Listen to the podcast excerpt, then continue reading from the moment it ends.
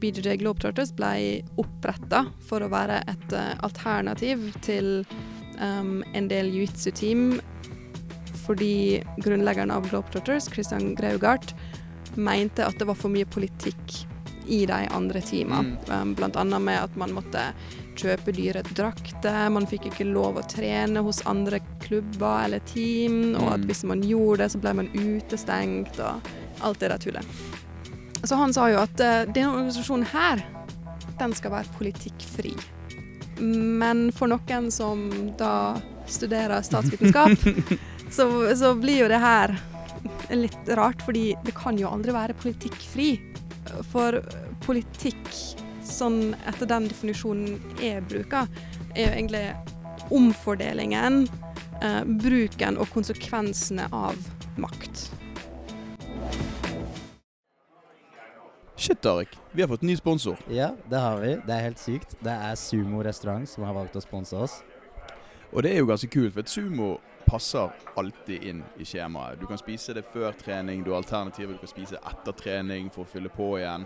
Det bare funker jævlig bra. Og de holder til i både Oslo, Bergen og i Stavanger. Ja, altså og i tillegg så har vi jo gjerne spist veldig mye sumomat på disse podkastene vi har hatt tidligere. Eh, så det er veldig naturlig for oss å da eh, samarbeide med de. Ja, det er ganske nice, for da kan vi faktisk gi folk skikkelig mat. ja, ikke bare en Grandis. Nei da. det har skjedd. Ja, hva, hva, er det beste du liker med sumo, da? Eh, å, jeg, jeg tenker alltid at jeg skal prøve nye ting. Men jeg ender så utrolig ofte opp med å spise ebi ringo og eh, morodu Sake. Oh, men de to er jo dritgode. De er så gode. Men de har òg altså, en amazing uh, kylling cæsar-salat som er helt fantastisk. Oh. Men uh, det er litt mer sånn før trening-mat. Ikke nødvendigvis etter, du trenger noe litt tyngre. Ja, ja altså Jeg er jo sjæl litt der at jeg, jeg, faller inn i gamle vaner med sumo. Og stekt ris for meg er, det er så bang for the buck, hvis du skjønner hva jeg mener. Ja, og det, det er ganske kult. For å, liksom, og la oss si vi tar med gjester som f.eks. er litt uh, Jeg sier ikke at dere er kresen, men kanskje dere ikke liker fisk, eller kanskje dere har andre preferanser. Så er det alltid et utrolig godt utvalg av uh, forskjellige mattyper. Og de har vegetarianske muligheter, veganske muligheter. Du kan spise mer fisk. Du kan få sushi uten fisk i. Mm. Med and, til og med. Er, Hva mer trenger du? Det, det er helt sykt. Så uh, det blir mye sumo fremover. Både for oss og for gjestene våre. Ja. Hvis du er her for faglig input og kvalitet, så er ikke det sikkert at uh, Du er 10 av det for deg. Men vi gjør det nå bare for det. For det vi Folk vet ikke hva de trenger, men nå trenger de det. Yes, velkommen til uh, Pyjamasprat, episode nummer Jeg vet ikke. Åtte. Der, tror jeg. Tusen takk, Barbara, som er gjesten vår i dag. Um, ja, Har du lyst til å introdusere deg selv? Det kan du gjøre. Um, du må komme litt nærmere. Ah. hei, hei. Det er sånn det skal nesten kile. Nesten kile? I min ikke-eksisterende bart? Ja. Okay. Jeg prøver å spare til bart. Men okay, uh, jeg har ikke kommet så langt ennå. bra. Uh, nei, jeg er da Barbara. Jeg er 28 år gammel fra Ålesund. Um, har trent jiu-jitsu i syv og et halvt år. Uh, og trener på Bergen Grappling syns det er veldig gøy å være her i dag med dere. Kult. Kjekt, kjekt. Ta plassen til Kjartan. Jeg? Nei, hun tar plassen til Kjartan. Oh, ja, ja. Vi sparker Kjartan ut for en dag. Ja, sånn, ja. Kjartan er ikke med oss i dag, da. Eh, det er fordi han er eh, sånn hektisk musiker og uh, driver med noen prosjekter på sidelinjen. Jeg tror egentlig bare han sitter hjemme og slapper av. Men det er helt lov, det òg. Nei, jo. Eh, vi har jo ikke hatt noe um, podkast siden EM, og vi føler vel at vi må gå litt innom det temaet. EM, hvordan gikk det? Jeg var ikke der i år, så jeg hadde det jævlig fint. Ja, men var, du så jo på mange av kampene. Ja, ja, selvfølgelig. Jeg, uh, jeg tror vi, Hvis vi snakker fra klubbperspektiv, så tror jeg vi gjorde det ganske bra. Uh, det var uh, Det var mange som Det var mange fra oss som reiste som liksom førstegangstur i år. første gang de var der, og så jeg tror de fleste, om ikke De tok medalje, så de fleste i hvert fall vant en eller to kamper og fikk lekt litt. Og så var det noen som hadde noen heldige brackets, og noen som hadde noen tøffe brackets. Og, men det var mange, det var alle som gjorde en veldig god jobb i år, syns jeg. Utenom deg. jeg fikk da, holdt jeg på å si, bronse i klassen min og sølv i åpen. Eh, bronsen var kanskje litt bitter, for det var en dommeravgjørelse. Men uh, det, er den, det, er den, samme feilen som jeg har gjort tidligere, så det er litt sånn Ja. Det, jeg, må, jeg har et par ting jeg må ta med meg. Det er sånn Vi satt en hel gjeng hjemme hos Tariq og så på kampene hans, og masse av disse nye, uh, litt nyere folkene uh, som er med i klubben. Og um, det var jævlig funny, for meg og Gill sitter der og er så jævlig kritisk til alt du gjør. Og streng og liksom sånn. Og så du, når du tapte dommeravgjørelsen i bronsekampen, så blir jeg sånn Jeg begynner litt sånn silent treatment, for jeg vet at Tariq kan ikke forvente jeg sender en melding. Så jeg bare sånn, jeg holder kjeft, jeg sender ikke melding, mens Gill sitter og liksom hamrer på telefonen for å skrive en hissig melding. Og alle de andre sitter der 'Nei, nei, ikke vær stygg, mann! Ikke vær stygg, mann!' Og så um, Men det var jeg tror, jeg tror, det var litt bittert, ja. Hvordan er uh, dine supporters, uh, Barbara? Kritiske eller hyggelige, eller? Det, det kommer jo helt an på. Um, jeg har hatt uh, to superfights så langt. Ja. Um, pappa har vært til stede på begge. Ja, men så gøy. Mm -hmm. Veldig. Um, og den første tapte jeg fordi jeg vrei kneet mitt veldig, veldig hardt. Um, I løpet av, av, kampen. Og rett etter kampen så undersøkte pappa kneet mitt og sa til meg at jeg nå hadde røket korsbåndet og aldri kom til å konkurrere igjen. Uff, nei. Uh, så jeg får veldig tydelige tilbakemeldinger, da. Ja. Heldigvis så var, så var, ingenting ødelagt. Um, og, okay. og så kjøpte han pizza til meg etterpå. så uh, det, det, er både, både støtte og uh, tilbakemelding. Ja, fordi jeg må, jeg må bare bryte inn, Tariq. Du må slutte å puste å oh, ja, oh, ja du, jeg trodde du sa at jeg skulle ha den tettere på. Ja. ja. Sånn. Ok, eh, jo, det jeg skulle si Ja, fordi uh, faren din har jo trent mye judo. Mm, både uh. mamma og pappa har trent veldig mye judo. Det var sånn de møttes. To, ja. Mamma var den eneste kvinnen som klarte å uh, kvele ut pappa. Mm. Så da var det Så bare var hun seg, kvalifisert.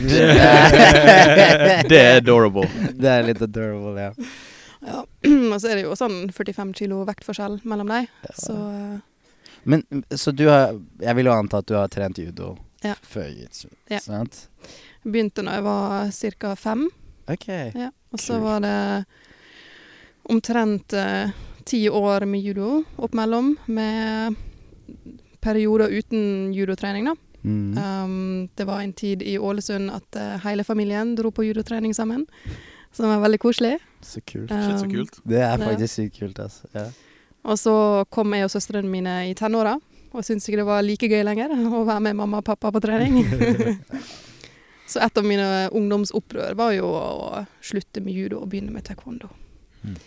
Det var ikke så populært hjemme. Mm. Oi, oi, oi. Ja, det, men jeg fant jo tilbake til, eh, til grapplingen. Um, begynte med judo litt igjen, og etter hvert uh, med jiu-jitsu.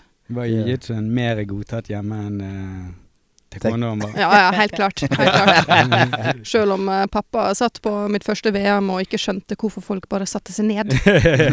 det, det var rart. Ja. Det er alltid det er vanskelig å forklare det til folk som ikke er så jævlig inne i sporten. Det der med Jeg fikk et spørsmål så sent som i går hva jeg driver med, og liksom prøve å differensiere det fra bryting eller judo og andre ting. Og så blir det sånn Ja, men hva mener du? Kan du bare sitte deg ned? Pretty much, ja, egentlig. Det begynner fra å sitte på ræven. Ja, jo.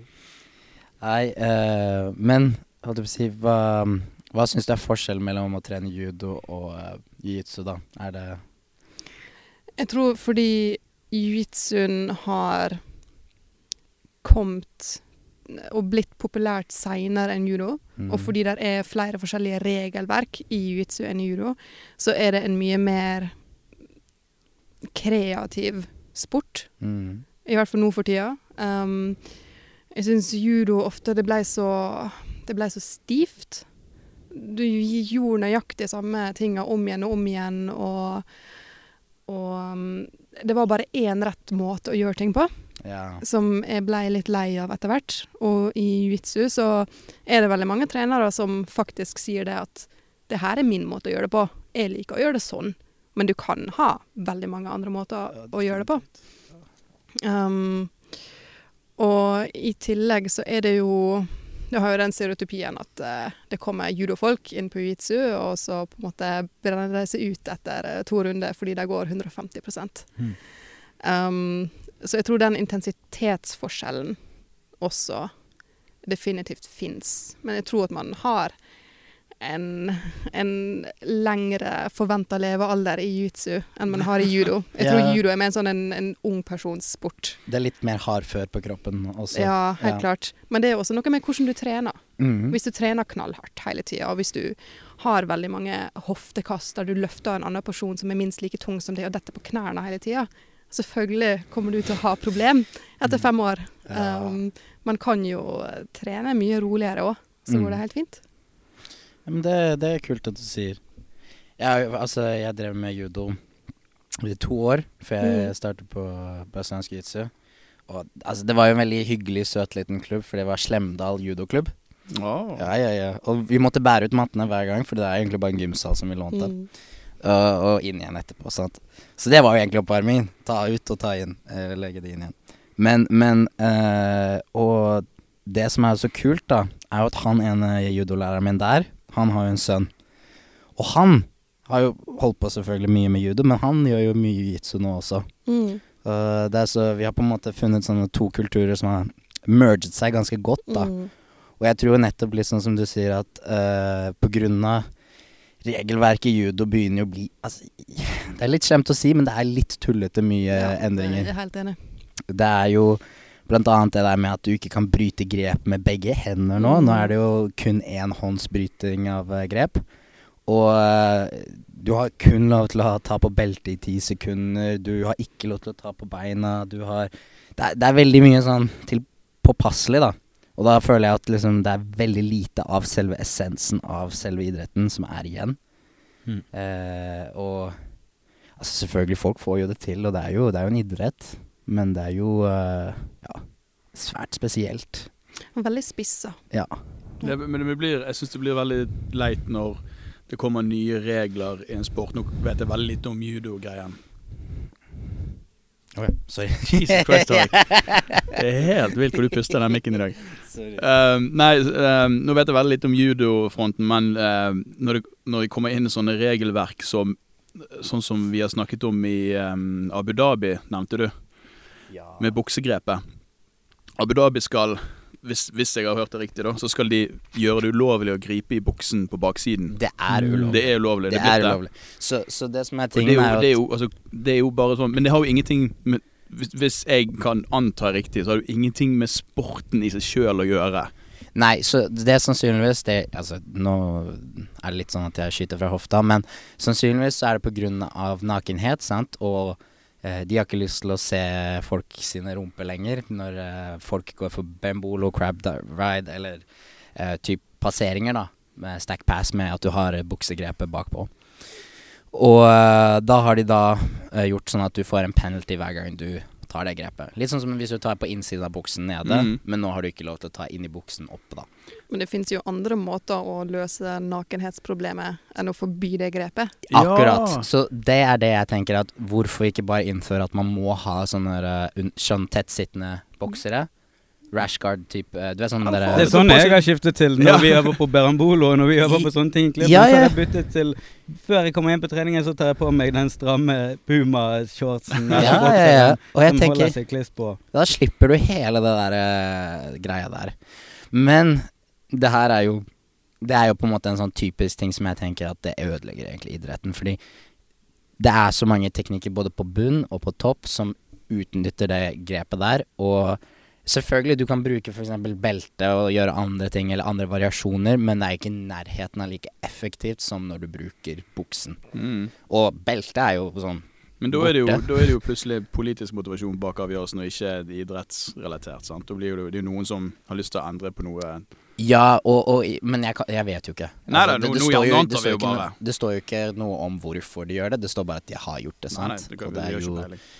Og, og de har gjort for så vidt andre regelendringer òg. Noe som jeg kan på en måte synes er interessant fordi Altså, det er mer poengrelatert, da. Så de har jo på en måte gått vekk fra advantages og uh, penalties og det, på en måte. Og så har de Mm. mer ett poeng, da, som en slags fordel.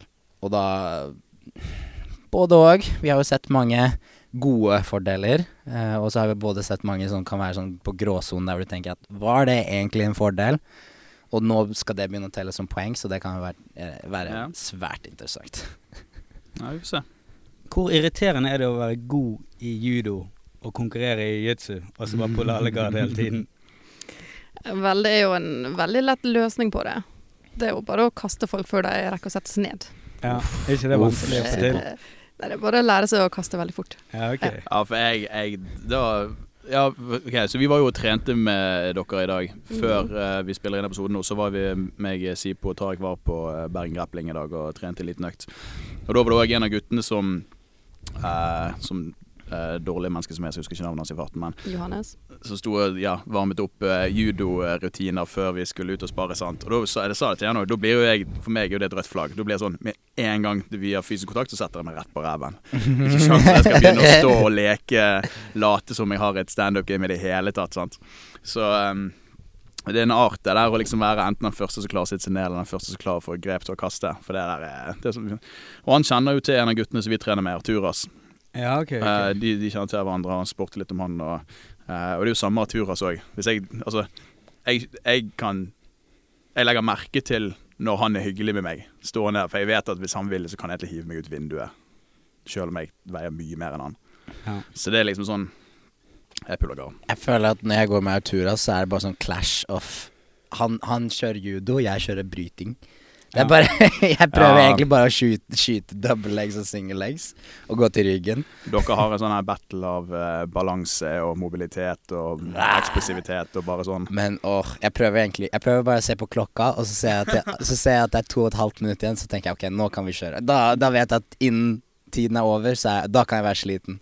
Men hvis jeg, hvis jeg gjør det fra Altså hvis du gjør fem minutter med stående eksplosivt, du er jo helt kjørt etterpå. Det er litt morsomt Jeg um, um, testa, eller de tok opp hvor mye pause og kamp det var i judokamper Mm. og i um, Da tror jeg det var jiu-jitsu-kamper. Og i judo så er, er forholdet én til ti.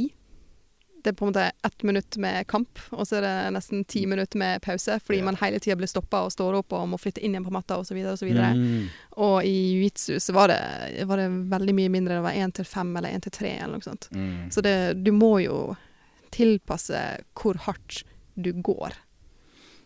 Hvis Arbeidsøkonomien er uh, veldig annerledes. Annerledes, ja. Så du må jo egentlig ja, intervalltrening på en helt annen måte.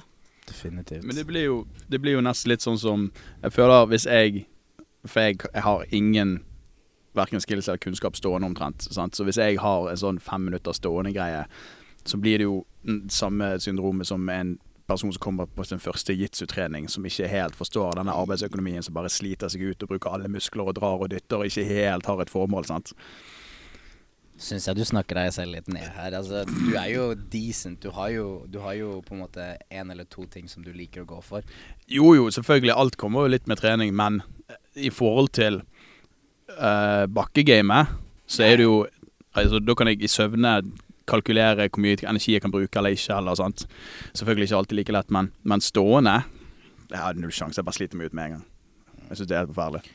Men det er jo litt, eh, litt av greia, da. Du, hvis du, hvis du half-asser alt stående sant, når du kaster og går, så du har null sjanse for å faktisk få det til.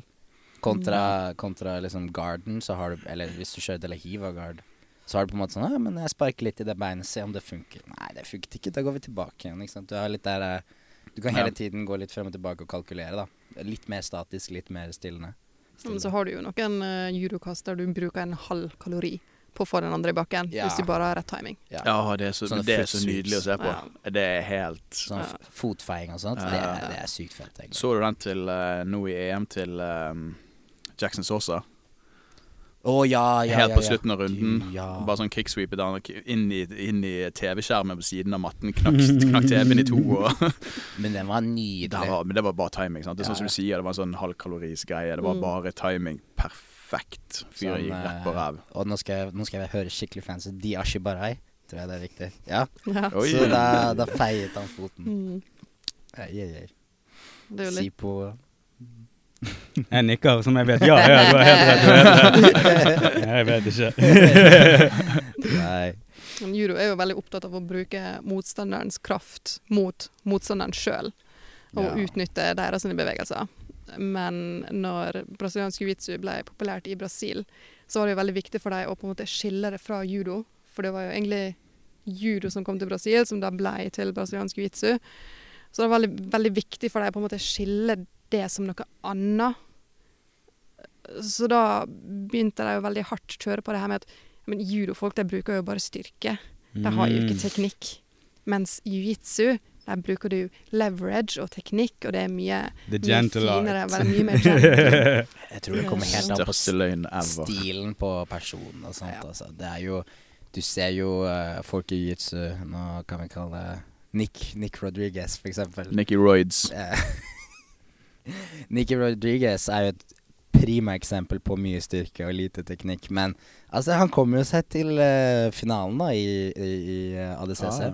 For alle. Så, så Det er en eksplosiv nisløyde der. Så, så du, du- finner jo på en måte alt i alle verdener. Mm. Eh, apropos judo. Jeg så jo at han ehm, Teddy, han eh, franske, han som har herjet nå i ti år, eh, judo, eh, verdensmesteren Nei, han svær Den enorme black eye. Ja, ja, ja. Ja, han tapte nå, han tapte nå første gang på ti år. Herregud. Det, det, tenk deg det. Han har, han har liksom vunnet 165 kamper eller noe sånt. Ikke tapt en eneste en. Så bare én liten sånn footsweep eller en sånn fei eh, Nei, det var jo ikke det engang. Jeg tror det var en sånn hip switch eller noe sånt midt i luften, og så bare pop. Var ikke det òg en greie med Var ikke det din lister som sa det før den her eh, Jeg føler de siste årene så har liksom jitsu competitive scenen blitt større og større og større, men han hadde en sånn en superfight for en del år siden mot eh, han her eh, Josh Barnett. Hvor Josh Barnett eh, hadde en sånn uh, Fatman-choken. Ja, basically. Uh, og tappet ut din lista på den. Og det var liksom Jeg tror din lista sa at det var første kampen han hadde tatt på elleve år.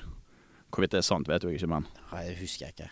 Men jeg, jeg husker også at Dean Lister ikke så bra ut den kvelden. Nei, Han, han Altså, nå han er så bra ut på 90-tallet. Ja, men det høres kanskje litt slemt ut, men eh, han er jo kanskje ikke den som jobber som en atlet da, opp mot konkurranser. Jeg tror han alltid har vært litt sånn Ja, jeg trener litt her og mm, litt sånn Men Josh Barnett var enorm i den Ah, kampen. Og, faen. og han kom ut i den lille undiken. Så når han lå oppå han i den lille undiken Jeg skjønner at han måtte tappe til slutt, for det der uh, Men har du, har du støtte i den uh, choken før? Ja, ja. Ja. Og jeg gjør det med, mot folk hvis jeg er litt eh, kjip noen ganger, og de kommer inn, og så tror de de skal gå for ryggen, og så putter jeg press på dem. Og mange som tepper til det greiene. Det er ikke Mm. behagelig i det hele tatt. Nei. Nei, det er sant. Spesielt ikke når du er dobbelt din størrelse. Ja, nettopp, nettopp. Apropos størrelse. Fin Segway her. Eh, Hva si på? ja. Har du sluttet å ete? Ja, det er det det går i. Ingen spising. Du, du trener mest morgen nå? Nei, nå har jeg begynt å jobbe igjen, så nå Ja, blir det veldig sporadiske Ja, treninger. Kanskje bare én i uken jeg klarer Ja. få til. For jeg har, ikke, jeg har ikke sett det på en stund. Men du er betydelig mindre nå Ja. enn du var sist gang jeg så deg. ja. Jeg tror det har gått veldig gradvis, men jeg Ja. tror det har bare blitt litt tydeligere. Jeg tror jeg har bikket en litt sånn der eh, grense der det har gått litt utover ansiktet mitt òg. Ja. For jeg mobber alltid Tariq for å være liten, for at han blir irritert av å høre det. Men nå er du blitt mindre. Ja. ja. Jeg prøvde jo å bli stor og sterk for å vinne mot Tariq. Men så ble jeg stor og sterk, og så tapte jeg fortsatt mot Tariq. Nå prøver jeg å bli liten, så kan jeg bare unnskylde det med det. Bare sånn, ja, Tariq vinner, men han er jo flere vektklasser over meg. Nå kan jeg bare bortforklare hele greien. Så jeg er helt sinnssykt god, men Tariq er så stor og sterk. Da slipper jeg unna på den måten. Så alt omhandler egentlig bare det. Ja. Litt vanskeligere for deg å snike deg unna på den. et bein, Men, ja, eh, Jo, men er ikke du eldre enn Tariq? Jo, men det er jo det som er det er jo det som er greia. Jeg må hele tiden minne på at det er sånn ti år for forskjell mellom oss. Likevel så kaller du meg gammel sjel, da. Ja, men det er jo det som er hele poenget. Du er en gammel sjel. Du er ung på utsiden og gammel på innsiden. Du spiser troika. Ja, jeg spiser troika. Men det er Det- Troika er godt. Det, ja, men det gjør ikke meg gammel. Jo, det gjør det. Eh, og så drev han og mobbet meg fordi jeg sov midt på dagen eh, på torsdag. Du er student, det er lov. Jeg måtte ta en liten nap. Men det, det, det er det som er nøkkelen, altså. Nei. Ja. Um, uh, hva var det en annen ting òg? Jo, det var det jeg ville, jeg ville nevne òg. Så vi var jo trente på BG i dag i Bergen. Det var en veldig, det var en veldig rar følelse, eller veldig hyggelig, for jeg har ikke, som jeg skrev til deg også, jeg har ikke vært der inne siden sånn Jeg tror det var 2013 eller noe sånt, Mhm. Når jeg begynte å trene. Um, hvis, nå gjetter jeg litt, men jeg tror det var rundt da. Og jeg, jeg hadde min første jiu-jitsu-trening. Så var jeg en god venn av oss som heter Jon, som eh, dro meg med på eh, min første trening, og det var på BG i Bergen. Så det var veldig Det var veldig Nå driver Tariq flytter vekk mikrofonen så han kan åpne kjekspakken sin. uh, så det var veldig, det var veldig uh, Nesten litt nostalgisk å liksom være tilbake. For jeg, vi var der, jeg var der i noen måneder før vi eh, flyttet gym. Uh, så det var litt rart å være tilbake der. Men det var kult å se. Det var blitt skikkelig fint. Ja, vi uh, pussa opp i fjor. Mm. Det var veldig fint. Uh, Flytta opp en etasje, fikk nye garderobe. Mm. Uh, nye matter med logo på matter på veggene. Og da er jo spesielt uh, Daniel som driver Nogi-treningene, han er veldig glad i det. Så Ja. han uh, kjører veldig mye takedowns opp mot veggen. Ah, okay. Det er veldig fint for MMA-folka våre også. Ja, det, faen, vi har hatt noen pads på veggen, vi Og veldig deilig å måtte, ikke måtte avbryte runden bare på når du kom nærmt veggene Ja, eller den klart. søylemitten. Ja. Så kunne du bare fortsette å rulle uten Ja. å tenke noe særlig over det. Det var veldig, Mm. Veldig digg. Jo, men Daniel har jo også utvikla en del teknikker der han bare skviser det opp mot veggen når man er på bakken. Ja, okay. Og du har ikke lyst å være klemt mellom Daniel og veggen. Nei, det, nei. Det da jeg- begynner jeg å jobbe veldig, veldig hardt med å hippescape inn mot matta igjen. Ja. Artig. Nei, det var, men det var, det var kult å være der i dag og hilse på de som, eh, de som kom i dag. Det var en god trening. Eller Mm. fuck, så sliten jeg er. Jeg hadde gledet meg og syntes det var skikkelig gøy vi skulle få komme på til, til et nytt sted og Ja, trene med nye folk. Og jeg har vært på Bang Grappling en gang tidligere. Da hadde dere eh, en juleturnering der. Mhm. Og så kom jeg, veide Turneringen var delt inn i per tiende kilo, da. Og så Mhm. var det liksom fra 70 til 80, og så 80 og over. Så kom, veide jeg 70, og så gikk jeg ut, løp en liten runde, sånn at jeg kom ned i 69,5. og så gikk jeg inn i den lavere vektklassen og tenkte ja, det er jo der jeg hører hjemme. Men så var det dessverre bare Anja fra Vås klubb og en ganske ung gutt på sikkert 15 år som var de eneste andre i den vektklassen. Så da følte jeg meg helt elendig. Så var det liksom Jeg sendte opp, puttet inn i den vektklassen, og så måtte jeg konkurrere mot eh, en jente og en liten eh, gutt. Og følte meg som en idiot. Og så kommer jeg der i dag, og så skal jeg rulle med en kar, og så skader han kneet sitt, så jeg drar derfra og føler meg som idiot. Så jeg føler jeg er litt sånn jinxet inne på BG. ass. Det her var jo en, freak sånn freak accident. accident. Ja. Ja.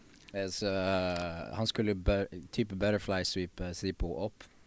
Og så skjedde vel en eller annen noe med hoftene dine switchet, og han fortsatte å dytte oppover. Og så tror jeg kneet fikk et lite smell, da, rett og slett. Ja. Så, det. Det må jo nevnes at han har spilt fotball, Ja. så beina hans er jo ikke bra lenger. Nei, han er svak. Nei, Nei Simon, hvis du hører på oss her, så eh, God bedring. Unnskyld. Eh, og- God bedring. Så dette er jo, dette er jo liksom en god, en god start fra For en av tingene som vi har litt lyst til å snakke om òg, er dette her med eh, Du har jo skrevet en masteroppgave Mm. eh, om eh, eh, jiu-jitsu og litt sånn power politics. Det stemmer. Uh, og litt litt dette her med å trene på tvers av gymmer og Så vi uh, Det er jo noe vi har snakket om å gjøre en liten stund òg, å trene litt på Eller i hvert fall være innom de andre gymmene i Bergen og prøve å være litt Ikke like segregert og avlukket. Um, men nå vet jeg ikke om vi får lov til å komme noen flere steder. Nei, nå Første- første stedet vi meg, stikker, så bare- Men nå kan Nei det jo være at det, det kommer folk fra andre gymmene til Frontland for å på en måte hevne seg. Hevne seg. Ja. Ja, ja, nei, det kan Sipo være er borte. Jeg, Nei da. Nei, det var, det, var, det var et kjipt uhell, men sånt skjer. Ja. Så det Nei, um, uh, for tingen er at vi har jo faktisk snakket om eh, Sånn internt så har vi snakket om et, par måneder om vi skulle høre meg om du har lyst til å være med. Mm. Men så har vi hele tiden blitt litt haltet opp av egentlig av at vi måtte finne en dato og tid, og så at en av oss måtte lese oppgaven din. Bare for å få litt sånn innspill om hva, hva det var du har skrevet om, og, og liksom litt hva vi kan snakke om.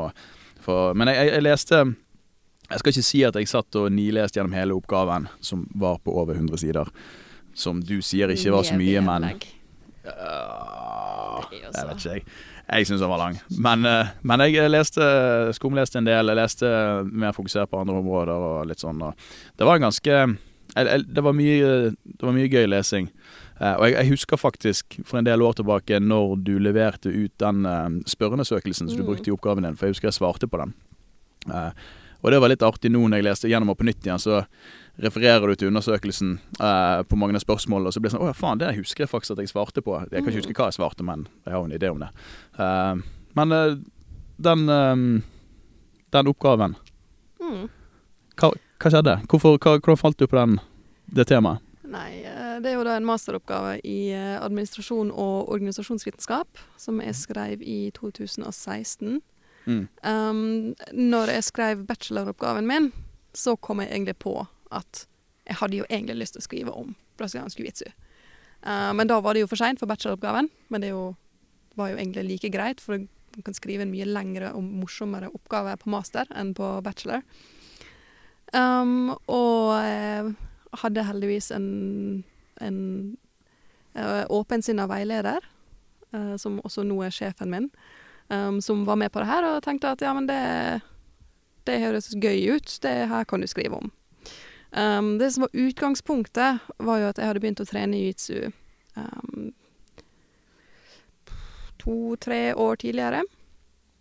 Og um, da på, på BG, som er med i BJJ Globetrotters.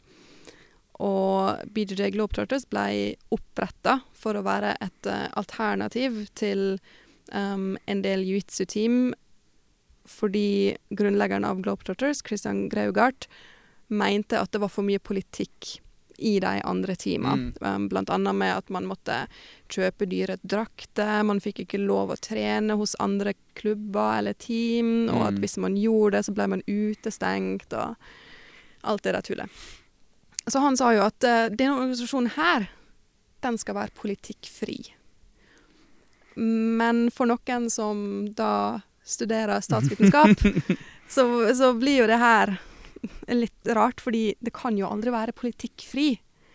Um, for politikk, sånn etter den definisjonen jeg bruker, er jo egentlig um, omfordelingen, uh, bruken og konsekvensene av makt.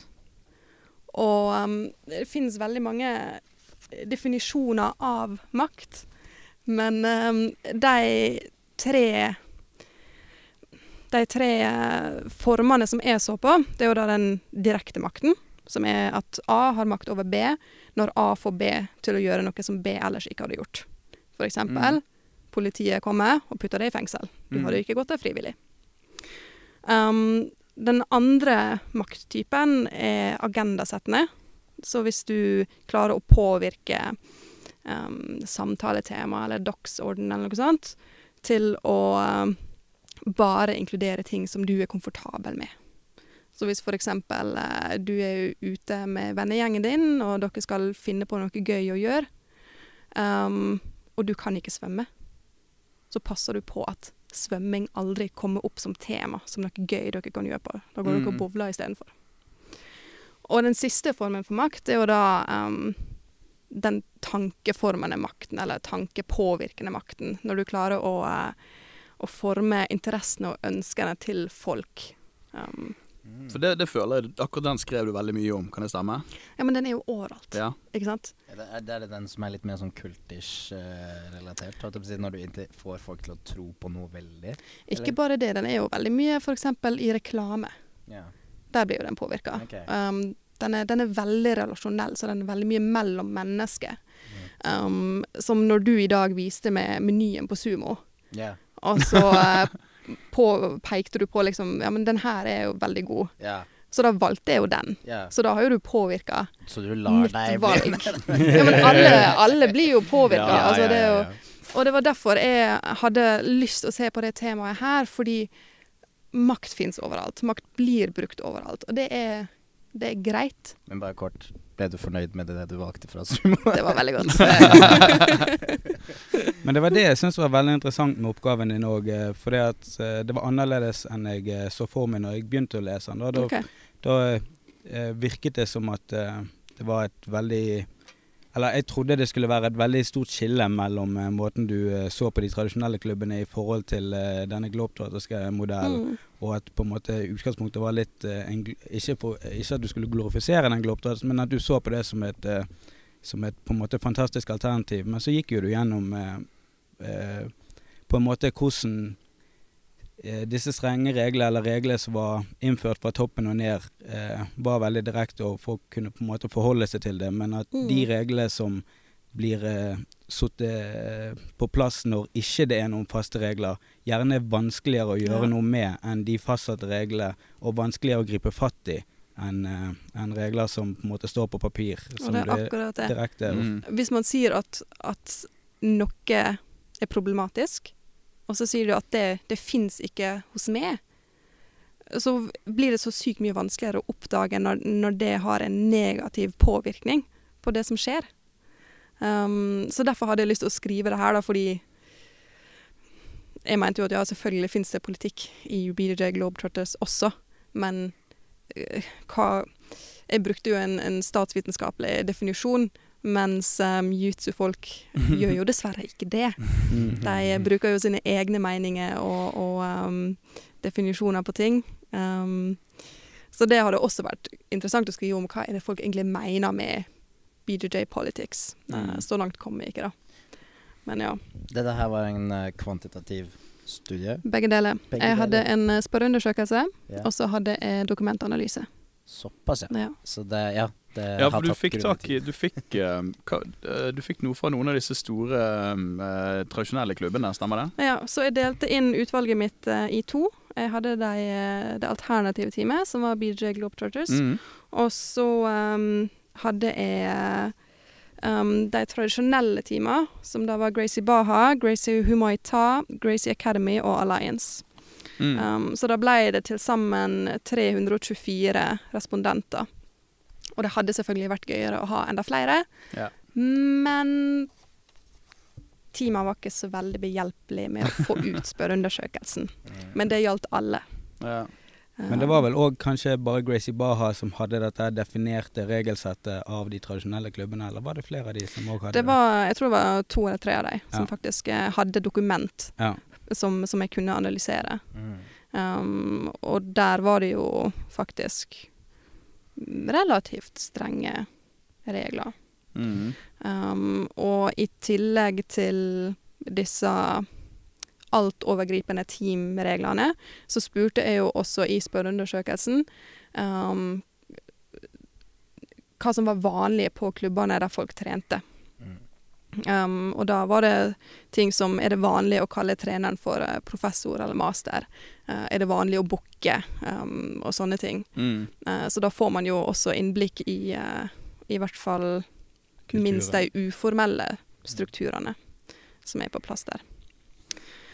Men jeg fant jo um, Jeg fant mindre forskjeller enn jeg trodde, faktisk. Jeg Du trodde det forventet det, det skulle være mer? Ja, Mm. det trodde jeg. Um, så det jeg fant, var jo at de tradisjonelle hadde et sterkt hierarki. Um, både i spørreundersøkelsen, men også i, eh, i dokumenter. Um, de var mer formalisert, så de hadde flere regler. De alternative hadde mer sånn en regel om at vi ikke skal ha regler, Ja. Mm. på en måte. Um, men de tradisjonelle isolerte medlemmene sine i mye mindre grad enn det jeg hadde trodd. Så det var Det var en del folk som svarte at ja, men det er ikke så vanlig for oss å trene hos andre klubber. Um, men forskjellene der var faktisk ikke statistisk signifikante uh, i forhold til de uh, så vidt jeg forsto i undersøkelsen, så var det òg sånn at du oppdaget at det hierarkiet som kanskje ikke var fastsatt andre steder, likevel eksisterte. Ja, helt klart. Mm. Og det er, jo, det er jo ikke til å komme unna. Altså, Jiu-jitsu har jo et beltehierarki. Ja. Mm. Ikke sant? Så, så det vil jo likevel være til stede. Så selv om det står i Globetrotters-reglene at alle skal være like, um, så Vil noen være likere? Neida. Ja, det, det er jo akkurat det. Altså, det er jo uh, Ja. Vi har synlige symbol på kompetanse Mm. Som kommer til å påvirke det sosiale hierarkiet. Men altså, det er jo ja, Det, er jo, det finnes jo på en måte veldig mange som har spredd den der eh, ordtaket, holdt jeg på å si, white, white belts are people too. Holdt jeg på å Mm. si. Og det er jo uh, vi, vi, vi ser jo mer og mer at, at uh, folk er kjempeflinke til å ta inn helt ferske folk på gym. Og, Mm. uh, nå, I hvert fall hos oss så ser jeg veldig god eksemplarisk oppførsel hos blåbeltene, og egentlig alle oppover også. Det har Mm. alltid vært Det, det er en ting jeg alltid har vært veldig glad for. At Fivel har alltid stilt veldig strenge krav til at Han har alltid vært åpen om at fra blå og oppover så er det kanskje litt andre forventninger i forhold til oppmøte, prestasjon og ferdighet og bla, bla. Men for blå så har han alltid sagt at det største kriteriet for at han skal kunne gi ut blåbelte til noen av sine egne studenter, er at de skal vise at de kan ta vare på de nye som kommer inn i klubben. Sånn, Hvis ikke de klarer å beherske den delen, sant, så er det vanskelig for han å promotere det videre. For det skal alltid være denne inkluderende. Og Det er en ting jeg alltid har satt veldig pris på. At jeg føler vi i, stor grad i hvert fall har klart det. Selvfølgelig ikke alltid like lett, men Men jeg føler òg at eh, et hierarki som på en måte er basert på kompetanse, er vel kanskje blant de sunnere formene for hierarki som finnes. Hvis du på en måte går inn i en setting og du ser folk som har holdt på med det lenge og gjort det lenge, og at eh, på en måte du sitter de eh, i et litt annet lys enn eh, deg sjøl når du nettopp har begynt, er vel kanskje bare sunt. Det syns jeg òg. Jeg syns bare det er viktig at det hierarkiet da blir Mm. der kompetansen er relevant, og at du ikke får en black belt in life som begynner å fortelle om hvordan du skal styre finansene dine, eller hvordan du skal ha forholdet ditt, eller et Ja, annet sånt tull. Altså Noe av det verste jeg vet, er jo sånne graderingsseminar der du har sparra i en og en halv time, og så sitter du kjempesvett i et rom som blir kaldere og kaldere fordi en eller annen svartbelte skal fortelle gamle røverhistorier om livet. Det um, blir jeg Ja, ja. irritert. Og- vi, vi tar jo det før nå, vi. Jeg vil bare slutter å holde taler. Han bare roper opp navn, og så skriker han hvor lite de fortjener det, så får de belte. Det er liksom mindre og mindre formelt. Jo, en gang så sa han feil, holdt på å si litt feil navn nå. Å, stakkar. Vi har to, to engelsktalende studenter som begge to skulle få blåbelte samme Eller jo, de fikk, jeg tror de fikk Jo, samme dag, begge to. ja. Og så har de sånn relativt lignende navn. En, en som heter Andrew, en som heter Matthew. Mhm. Og så klarte han å forveksle de, og så sa han feil navn, og så står Matthew der Nei, An Det var Andrew, Det, går altså, Hvem var det var det? Ja. Andrew. Så Andrew står der, liksom, og så står han og peker på han, og så kaller han for Matthew, og så blir han veldig sånn Og det er jo typisk Fivel. Fyr klarer ikke å holde styr på et navn for fem han, øre. Han er litt rotekopp. Det er han.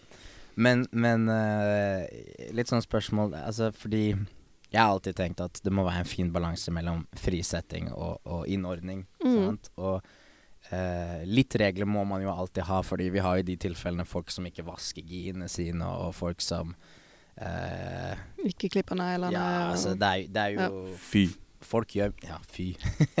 Folk gjør mye dumt, kan man si, da. Men samtidig så er jo det helt vanlig når man kommer inn i idrett, at man er helt uviten. Mm. Og um, da er det kanskje greit å ha en sånn derre ti lover og regler på veggen, da, eller noe sånt. For å liksom gi de en slags sånn OK, sånn gjør man det her, da. Ja. Men jeg vet ikke Hva, hva tenker du? uh, Det blir litt som det vi diskuterte med judoreglene i stad. mm. Um, er denne regelen nødvendig for å på en måte ha et uh, sånn grunnleggende godt treningsmiljø, som å vaske gien din og være hyggelig med andre? Mm. Eller har vi begynt å innføre denne regelen her for å bare få vekk noe vi ikke helt liker? Mm. Um, Men burde vi ikke ikke like gamle luktende gir. jeg liker ikke gamle lukninger, så det syns jeg er en helt legitim regel. Det, Ja. det, er en, det er en regel som jeg For jeg føler, jeg føler også mye av disse Mye av disse settingene er rett og slett bare folks mangel på grunnleggende forståelse for skikk. Altså, noen folk lever bare i en egen bitte liten boble som ikke alt kommer gjennom i, og det, da er det liksom Det er jo en sånn ting som vi, Det har alltid vært en diskusjon på Frontland Hvorvidt vi skal ha en regeltavle på veggen eller ikke. Mm. Sånn at vi Så langt har vi aldri hatt det. Vi har aldri hengt opp et regelsett sånn for alle å se. Men det har jo vært oppe til diskusjon flere ganger. Jeg, jeg pleide å jobbe på klubben i noen år. Um, og det har vært oppe til diskusjon flere ganger, men det har blitt, vi har alltid blitt enige om at vi, vi gjør det ikke. For de har ikke lyst til å begynne å, å gjøre, drive det på den måten. Men uh, det, det er jo en del folk som kunne hatt godt av å ha en påminnelse. Så det er, jo, det er jo en god del regler som er folkeskikk. Ja, ja. Men så har du jo også ting som blir gjort i andre land, som er å booke til bilde av Graciene. Og det er sånn, Ja. Hva har det egentlig med sporten å gjøre? Her er jo vi helt Altså, vi er jo håpløse, for vi, vi har jo Vi har jo Obama, eh, eller eh, Umut, som han heter. ja ikke, ikke, faktisk Ikke presidenten Obama. Obama, Umut, men vi kaller han Obama. Men uh, Umut er da svartbelte i taekwondo og uh, blå belte hos oss. Mhm. Nei, lilla belte. Sorry. Unnskyld, Umut. Du har fått lilla belte. Eh, og, um, og det som er tingen, er at vi tuller veldig mye mellom oss eh, i gymmet. Og- Han er jo en av, han er jo en av kjernesteinene i gymmen. Ja, altså, han har vært med siden dag én. Han var, han var, på, han var en del av BG òg. Og han, han var med når vi gikk til Frontline, så var han med på den første treningen vi hadde liksom dratt inn samme dag som vi dro inn mattene på gymmen. Og liksom, han har vært der siden dag én. Og han, selv om han ikke er der hver eneste dag, så er han der alltid. Sant? Og han er en av de som alle som har vært i gymmet, som kjenner han, alle har det gøy med han. Det er sikkert litt gøy på bekostning av han òg, men han er liksom en av hjørnesteinene i gymmen. Ja, og ja, vi har et bilde av eh, Umut, eller Obama, eh, på veggen. Mhm. eh, der hvor han har et svart belte. Men det er vel tanken er at han er liksom our grandmaster. Men han er, han er svartbelte i taekwondo. Det er derfor vi har dette bildet av han med Så nå henger det på veggen inne i gymmen, og det er så sykt mange av disse nybegynnerne som ikke forstår det. De skjønner det ikke. Og det, men det er jo litt sånn internvits. det, sant? det, er, det er jo bare et printet ut ark, altså, med, Mm. med sånn grå, svart og hvitt, liksom. Og så har det bare blitt hengt opp ene veggen. Og da, da har det blitt mye spøk om å gå bort og booke til det bildet av Obama. Selvfølgelig bare, bare tull, da, men, men fortsatt kjempemorsomt. For, for det der med de der formalitetene og sånn jeg, jeg, skal innrømme at når jeg leste gjennom oppgaven, så Mhm. satt jeg og tenkte faen, vi som en del av Frontland, vi må jo være Vi må være dyttet mer over, ganske mye mer over mot de tradisjonelle klubbene. Uh, og så men så ble jeg litt overrasket på noen av tingene som liksom definerte de tradisjonelle klubbene. For noen av de er jo selvfølgelig veldig gjenkjennelige i, i ting vi gjør og måten vi gjør ting på. Men så var det andre ting som overrasket meg veldig, som Mhm. liksom var kjennetegn som ikke vi gjorde i det hele tatt.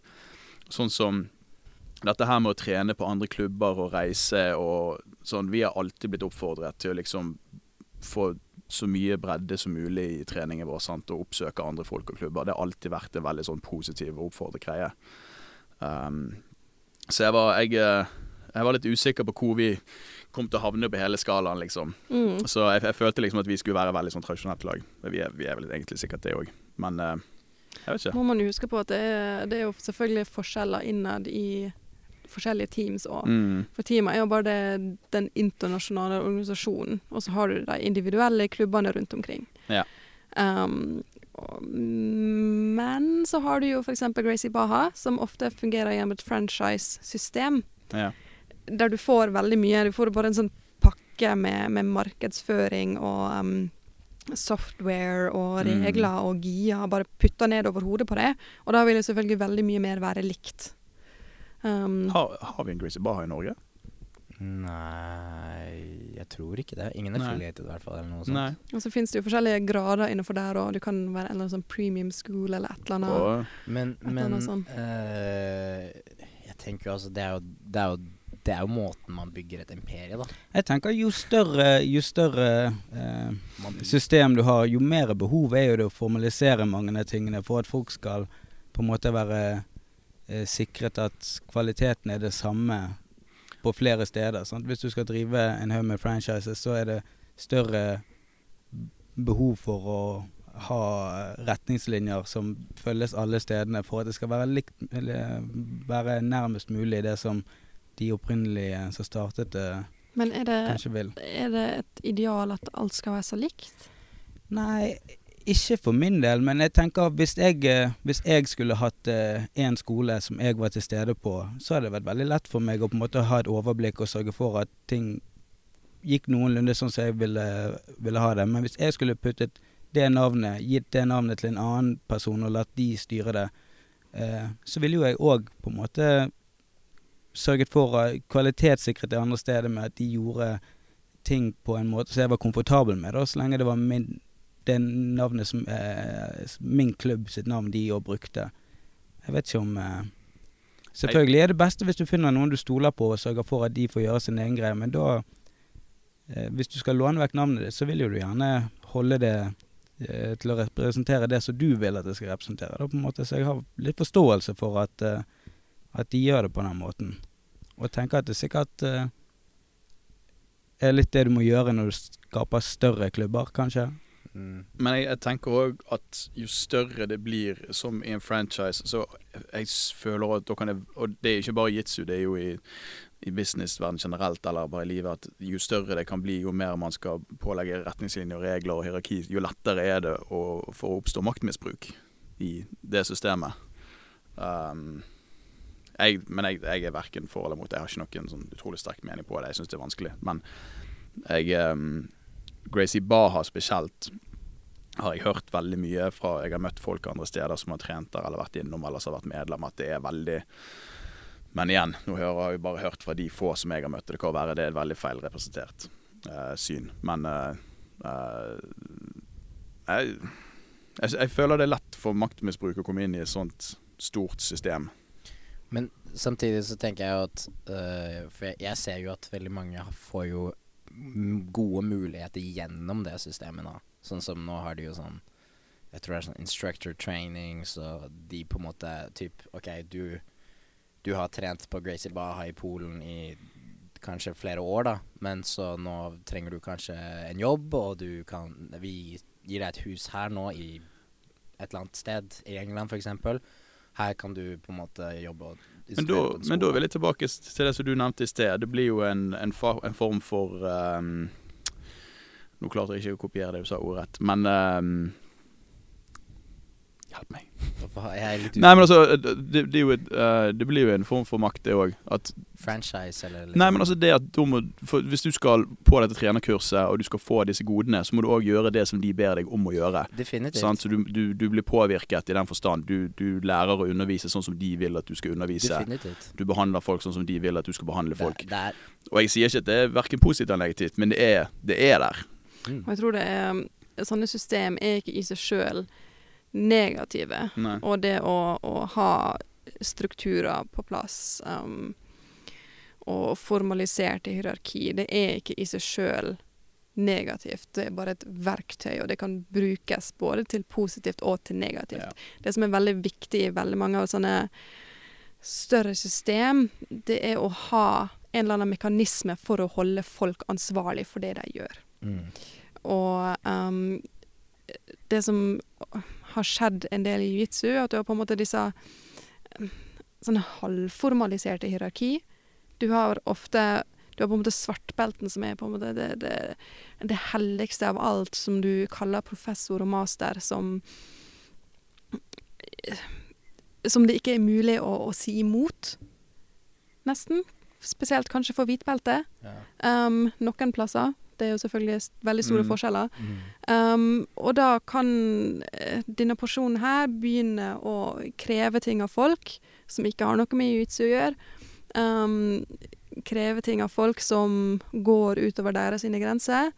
Og hvis man da ikke har noen mekanisme for å holde dem ansvarlig for det, da kan det selvfølgelig begynne å oppstå Mm. relativt grove maktmisbruk. Og det har vi jo det har vi sett spesielt i forhold til um, seksuell trakassering og seksualisert vold eh, i jiu-jitsu, i veldig mange andre sporter også. Mm. Um, spesielt det er på en måte der en en trener får veldig mye innflytelse og får veldig sterk posisjon, og gjerne tilgang til Mm. yngre folk som har veldig høye ambisjoner. Jeg blir, jeg blir så jævla fucket hver gang jeg, jeg, føler sporten vår fortsatt er såpass liten at hver eneste gang jeg leser Eller hver eneste gang, det ikke det skjer så ofte, men når jeg leser om en eller annen sånn slags skandale med en trener, studentforhold, et eller annet sted i utlandet, et eller annet sånt, så blir jeg alltid så jævlig lei meg. For det er sånn her, faen ass, kom igjen. Det, det er så få av oss, og denne ene personen Jeg føler vi alle blir så jævlig fort satt inn i en bås i sporten pga. den er fortsatt såpass liten som den er. Men altså, bare for å, jeg, var- jeg var med på mm, et sånt lite seminar borte på uh, Brann stadion. Så hadde jeg en sånn uh, Olympiatoppen Mm. om, uh, om eh, maktmisbruk innenfor idrett, og mm. litt sånn i forhold til kids og sånne situasjoner, da. Og uh, altså, tallene var eh, Det er én av fem, liksom, som, eh, av kids som opplever eh, et eller annet. Liksom. Det, var noe, det var noe helt insane tall, og det var eh, Det er jo Det er liksom de de vet om, sant?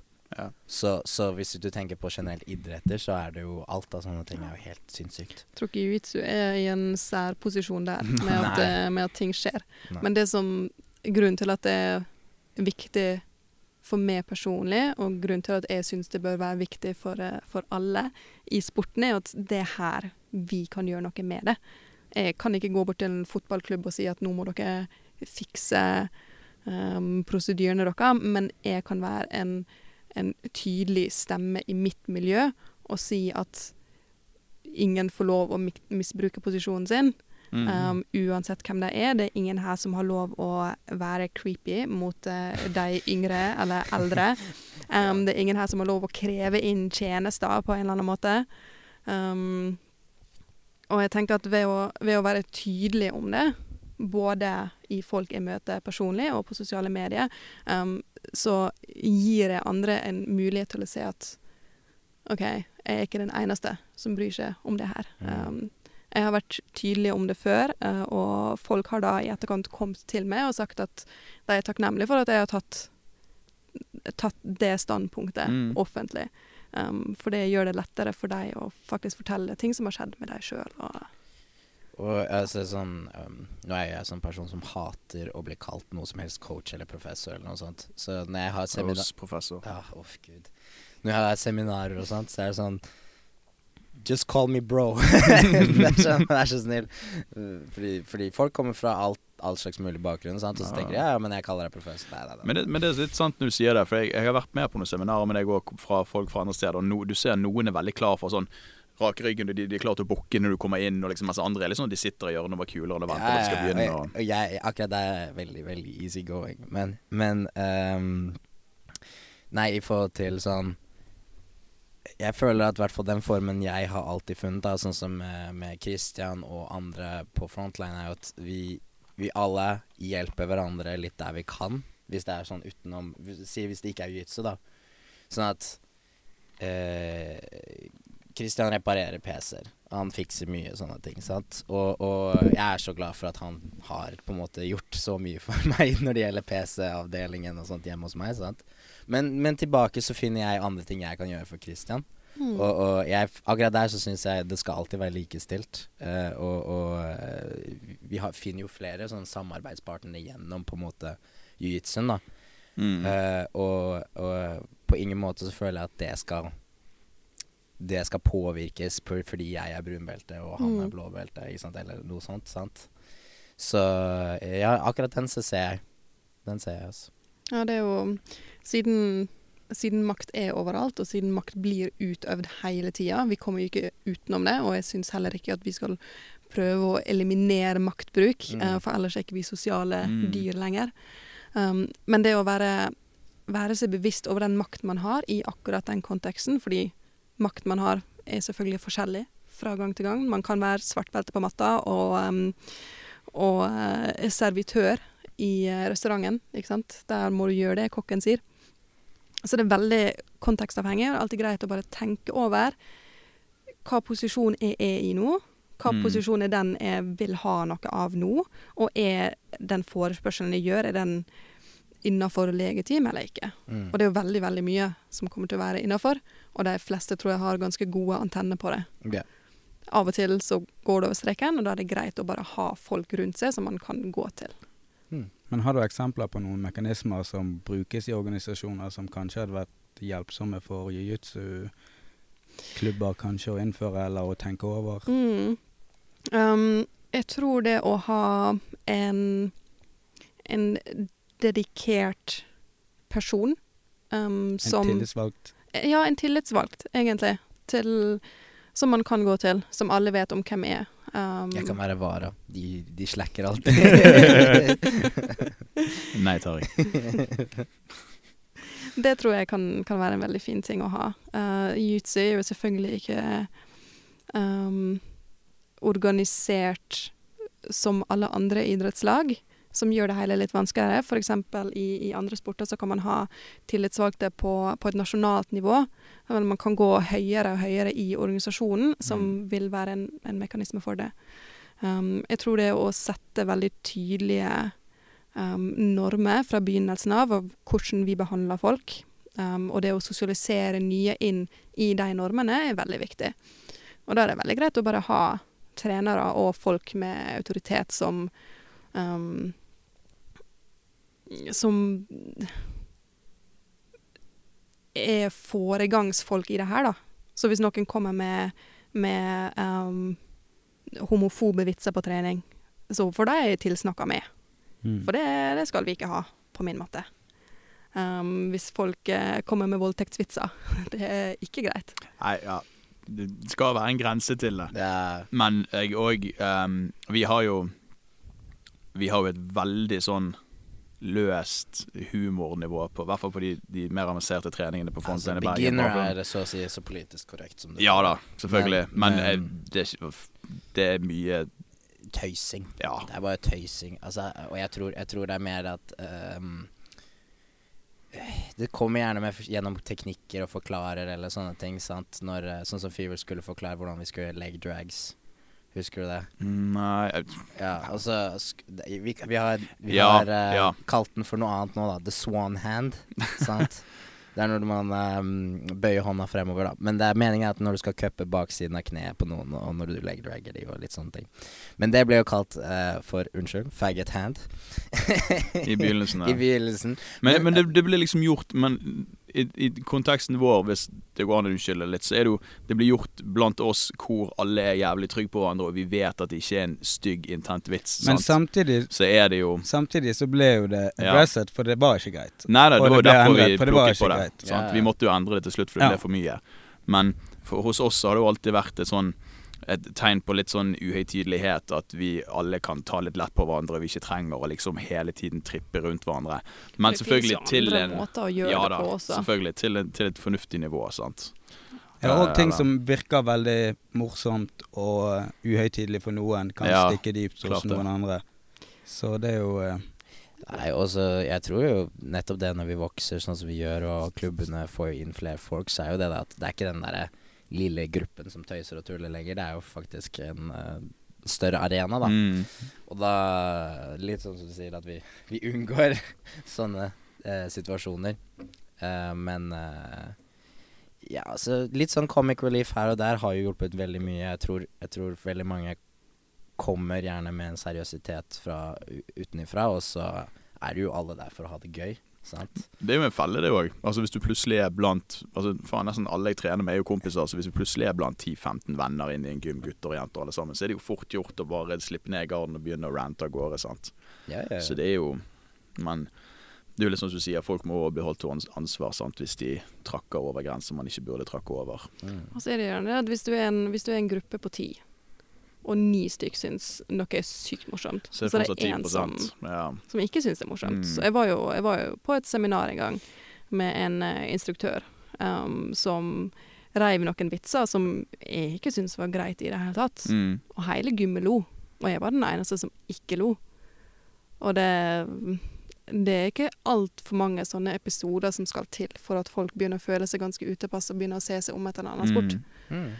Og er det virkelig derfor vi vil miste folk? Nei, nei, helt klart ikke. Og, og jeg tror eh, du kan lage mange bra vitser uten å fornærme noen, sånn sett. Eller Helt klart. det kommer alltid an på Tariq, mange kan lage bra vitser uten å fornærme noen. Du kan ikke lage gode vitser, punktum. Ja, ok, så jeg er jo den som lager mest sånne Du har vitser på nivå med murstein. Ja, pappavitser er det jeg egentlig jeg står for mest. Eh, jeg kan ikke huske mine, fordi de er så, gode. De er så bra der og da. Jeg hater det. Han prøver å være så jævlig vittig gjennom treningene, og det er bare sånn Eh, Men folk ler, men han skjønner Jeg vet ikke om du skjønner det sjøl, men det er ikke alltid de ler fordi det er morsomt. De ler jo fordi han er morsom. ja, ja. Sant? Altså Det er på bekostning av Tariq, men det er òg en sånn greie. Sant? Det skaper en god stemning, atmosfære, fordi folk er trygge på hverandre. Mm. Men ehm, Men ja, det Jeg har fått mye tyn for det der, ass. bedre Tariq. Gill eh, takler ikke en eneste vits fra meg, egentlig. Eh, ok, bare for å slå til med én, da, holdt jeg på å si. Eh, Drumroll. vi må ha den på engelsk. What do you call somebody without uh, oh, Nei. without a body and without a nose. Nobody knows. Ah, se! Å, Der. nei. Yes! Vi har funnet en til. funnet den til. Vil du uh, høre en? Ja, kjør på. What do you call a crocodile in a vest? Crocodile West? Nei. An investigator.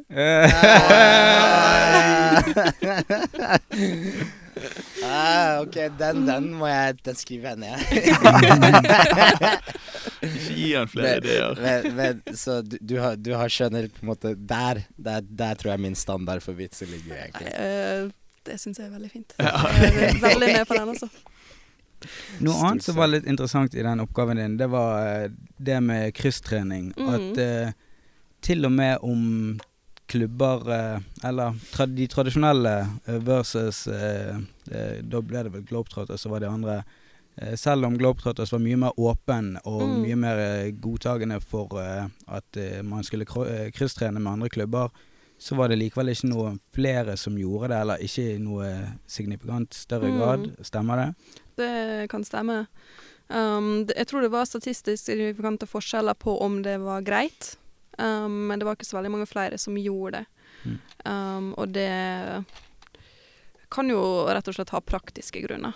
Ikke sant? Man uh, har kanskje tid til sine tre treninger i uka, uh, og da går man til den plassen man er vant til. Ja. Ja, Men var det sånn at de som trente, de som hadde de reglene, og bare så bort ifra de, og likevel krysstrente hos andre steder? det vet jeg ikke. Ok. Jeg tror nok man kunne ha fått uh, trøbbel på det. Ja. Altså, hvis man først har laga en regel om at det ikke er greit, så tror jeg nok man kommer til å, å eh, faktisk uh, sørge for at den ja, så da var det kanskje mer det at de, det var mange av de tradisjonelle klubbene som heller ikke hadde denne regelen om krysstrening, da Ja, kanskje? jeg tror det er veldig få som egentlig har den. Ja. I hvert fall formelt skrevet ned. Mm. Det er jo eh, Jeg tror jo det er litt med utviklingen av sporten nå. Um, det her er jo gammel, gammel uh, tradisjon, og det er jo det, er jo, det kommer jo stammer jo egentlig rett sånn fra sånn der eh, klubb versus klubb-faktor, da. Og jeg tror jo i litt senere tid så har jeg jo bare skjønt at jo flere som er interessert i idretten, jo bedre er det egentlig for alle sammen. Ja.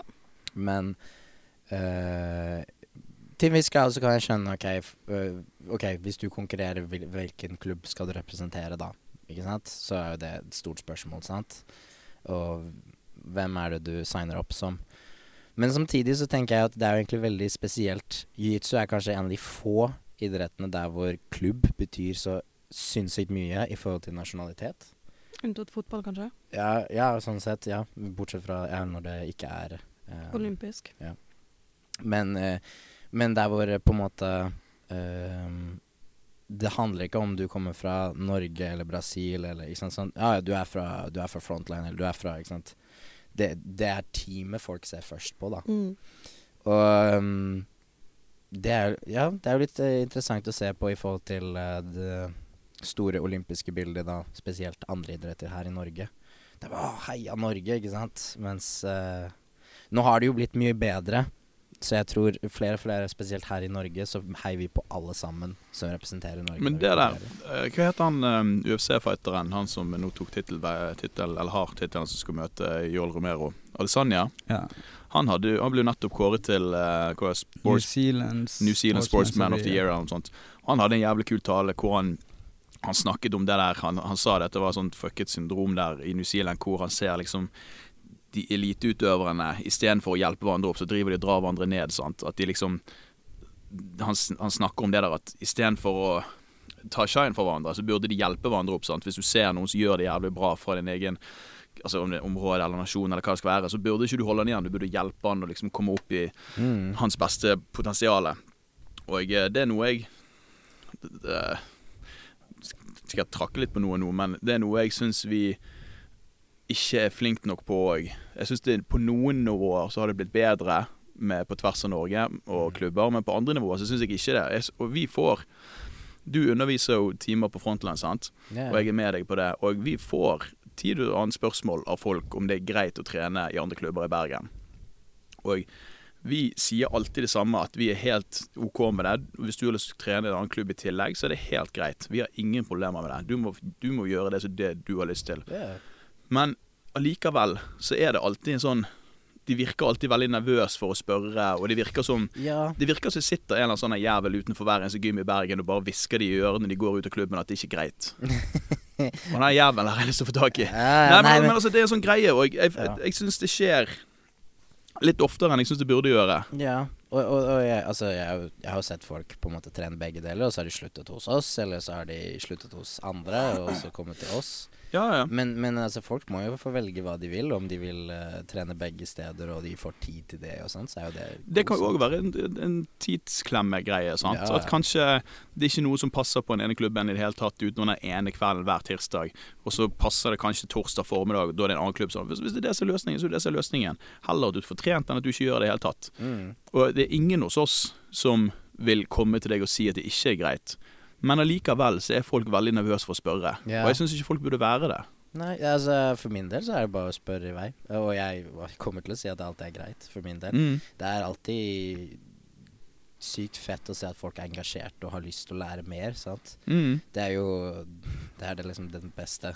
Men jeg føler litt det har med de der eh, uskrevne regler i jutsus der det er veldig mye som på en måte går eh, fra person til person, og Ja. som på en måte ikke Du har ingen Du har veldig lite å forholde deg til eh, når du begynner, og så sitter du egentlig bare på begynnelsen når du er hvitbelte og overhører samtaler om hvordan ting er, og går og leser på Reddit og tenker deg fram. Det er veldig få som forteller deg noe særlig om hva som er lov, og det er ikke før første gang du går for en toehold som hvitbelte, noen kommer og klapper deg på ryggen og sier 'hei, det der er ikke lov'. Og det er vanskelig for folk å vite i Mm. begynnelsen, for det er veldig løst, og det er, ingen, Ja. det er ingenting på en måte å forholde seg til. Så jeg skjønner at folk er nervøse for å ja spørre. da, det, det er helt innenfor. Og jeg vet ofte når jeg snakker til folk om jiu-jitsu, til og med inne i klubben, og når jeg merker det er en sånn stor kar som er oppå meg i psychotroll, så prøver han å unngå å putte skulderpress. Jeg sier sånn, jo, du må putte skulderpress, ellers så kan jeg Si ja, men jeg er så stor. Så sier jeg ja, men bare gjør det. Hvis, hvis ikke jeg liker det, så kan jeg bare snu meg vekk andre veien. Så bare sånn, Mm. å ja, det er det som er regel. Så bare, nei, det er ikke regel. Sånn føler jeg om akkurat det. Men jeg vet ikke, det, det er bare min oppfatning av det. Og så er det sånne tusen folk som har masse ulike oppfatninger, men det er ingen som på en måte har noe Kan forklare Det er deg hvordan ting er. Sant? Det er litt sånn, det er litt sånn som den eh, Du ser sånne sosiale eksperiment hvor en person har en setning på eh, åtte ord eller noe sånt, og så har du 20 personer i rekke fremover, sant? og så skal de hviske hverandre i øret frem. Og så når du kommer frem, så er det en- helt annen setning som kommer ut. sant? Og sånn føler jeg òg når folk snakker seg imellom, gjerne på tvers av klubber eller noe sånt òg, at folk, det blir jævlig fort misforstått. sant? Ja. Um, og det, det er en av de tingene i Bergen som irriterer meg så jævlig. Det er som også en ting som vi har snakket om, og derfor jeg syns papiret ditt var så Mm. interessant òg. Fordi det er en Bergen er en såpass liten klubb Nei, klubb, sier jeg. Såpass liten by. Og det er ikke sånn at Det er ikke sånn at jeg mener at vi burde gå hånd i hånd inn i solnedgangen hver eneste kveld, sant? men at liksom Det burde ikke være så eh, sperret av som jeg i hvert fall syns det er. Uh, uh, det er svært Det er svært få. Vi har noen gutter som er flink, og et par jenter også, som er flink på å liksom trene. Jeg vet om et par jenter også, også trener på BG, og jeg vet om et par gutter som løper til på Tent Planet ute på Nordnes. sant? Og det er helt innenfor. Um, men så vet jeg òg, uten å skal henge ut folk, men jeg vet òg om folk som går spesifikt og forteller disse menneskene at de ikke får lov. Eh, og jeg, det, det er bare sånn, det er så jævlig destruktivt. ja. Sant? Istedenfor å gjøre det, så la nå folk Ja. kjøre på, sant.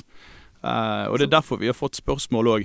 Det var en som kom til oss og hadde fått beskjed om at han hørte en av de andre medlemmene på den andre klubben at det ikke var greit. Og så ble det sånn, Men han kan jo på en måte ikke uttale seg så mye om hva som er greit eller ikke for oss. Mm. Og da kommer han til Han som kommer og spurte oss, kommer jo allerede med litt nerver fordi at han har fått inntrykk av at det ikke er greit. sant? Og så blir det jævlig sånn Det bare irriterer meg noe jævlig. at det skal være sånn. Spesielt når vi er såpass liten by. Og vi har Er det tre klubber? Er det noe mer? Nei, jeg tror bare vi er tre nå. Ja. Men altså, du Tre har jo kanskje noe jitsu på noen andre sånne mudo eller andre Ja. Nå, Du var jo responsible en liten stund. ja, Ja, ja. jeg tror, tror, de, tror de har noe sånn submission wrestling-aktig Mm. MMA-rettet nå, men ikke noe For Reine noen, noen fra de buda har jo kommet til oss nå. ja, ja, ja. med Men det, det er grisefett, det. Og det er, bare, det er litt sånn som han Adesanya snakket om òg. Istedenfor å drive og gå rundt og pushe hverandre ned og prøve å ta skeien, så hjelp hverandre opp. Altså, bygg litt karakterer og la folk trene litt på tvers. Og det er jo sånn som i dag, sant. Så, eh, sånn som han eh, sa til oss på trening, at han ikke vant at vi driver og spiller alt dette lapellgame og alt dette her, for han var jo bare helt uvant. sant? Mens vi kom inn der, og så gjør han andre ting som jeg ikke er vant til. sant? Og så tar jeg lærdom av det i dag og går hjem, og i morgen kommer jeg til å prøve på noe annet og finne ut av hva jeg gjorde feil. sant? Og så jobber vi videre derfra. Det er jo bare en, det en positiv ting for alle sider. Masse ressurser å hente fra hverandre, og det er um, Det er litt sånn der at hvis man går i hver sin boble og begynner å researche litt, så kommer man ikke like langt som man kunne gjort sammen, sant? Eh, og eh, jeg ser jo også sånn som for min del det å kunne ha muligheten til å reise eh, til Oslo, til Haugesund og trene hele tiden med opp mot sånn oppkjøring mot VM, oppkjøring mot EM. Det er jo det som gjør at jeg på en måte er klar for å takle så mange ulike stiler eller forskjellige fightere, da. Mm. Så, så um, definitivt mye styrke og mye kunnskap å hente der, da. Vi prøver jo å få det til um, med kvinner i Bergen. Som Mm. Ja. sånne veldig ujevne mellomrom. Ja, men det stemmer. Det, Så- det har jeg fått med meg òg. Så har vi jo åpen, åpen matte for, for damene, der vi inviterer de andre klubbene òg. Og vi inviterer også judoklubbene, um, Mm. for det er av og til noen derfra som kommer. Og det, det bruker jeg veldig gøy. Og det er spesielt um, Det er viktig for konkurranseforberedelse, bare for å kunne gå mot folk som har eh, en kropp som ligner på den man kommer til å kjempe Mm. mot. Det- Um, og det andre er jo det sosiale. Bare for å merke at man, man ikke er alene. For det Ja, kan være av og til at man står der i garderoba alene for tredje gang den, den uka og hører liksom gjennom lufteanlegget at guttene har det dritgøy inne hos seg sjøl. Um, av og til så er det veldig trangt inne i guttegarderoben. Ja, Altså. fy faen. ja, og i hvert fall på BG så hører vi alt som skjer. Og ja, -hmm. sånn, hva, hva er sånn dårlige ting, eller sånn eh, Nei, vi hører jo samtalene. oh, ja. Men det var en gang eh, oh, ja, Det kan kanskje være mye rart. Det er ganske mye rart. Oh. Men det var også en gang jeg hørte det at det, det ble plutselig litt stille, og så kom det veldig masse klasking. Og veldig masse latter, og enda mer klasking. Og da, da var det en som hadde glemt håndduken sin, da. Så de bestemte seg for å bare klaske han tørr. Uh, alle sammen brukte Alle Det, sammen. men, det der er, det bygger opp under hverandre. Det her er Ja, men det er samarbeid, det.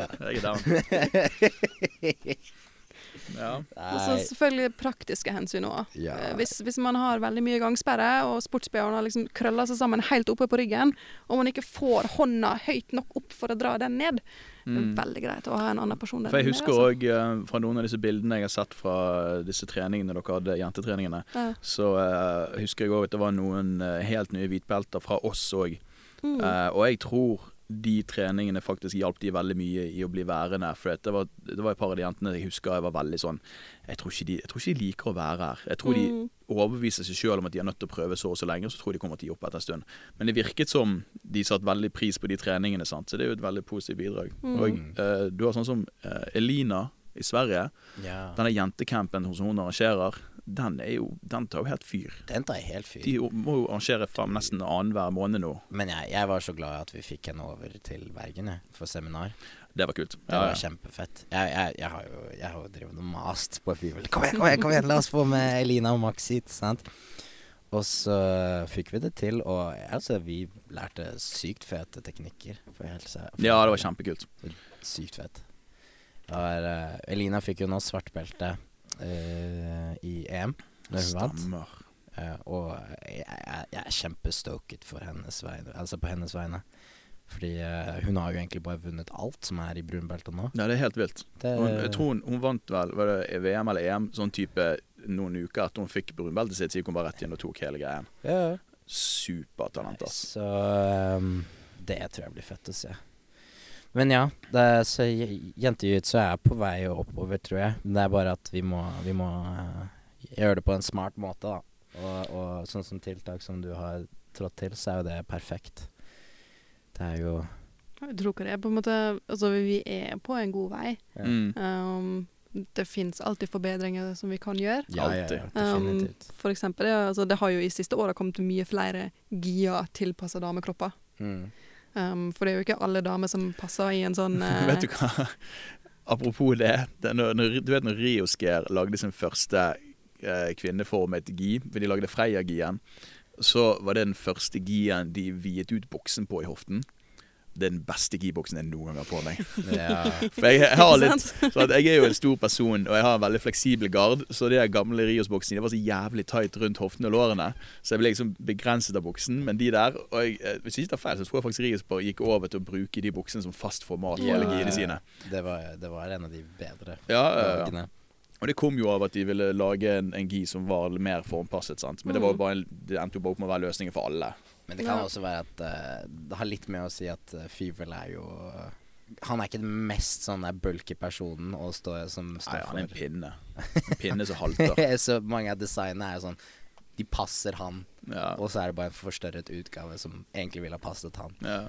Men, men. Nei, jeg tror, jeg tror vi er godt på vei. Jeg la merke til det for et par dager siden hvor vi var på ene treningen.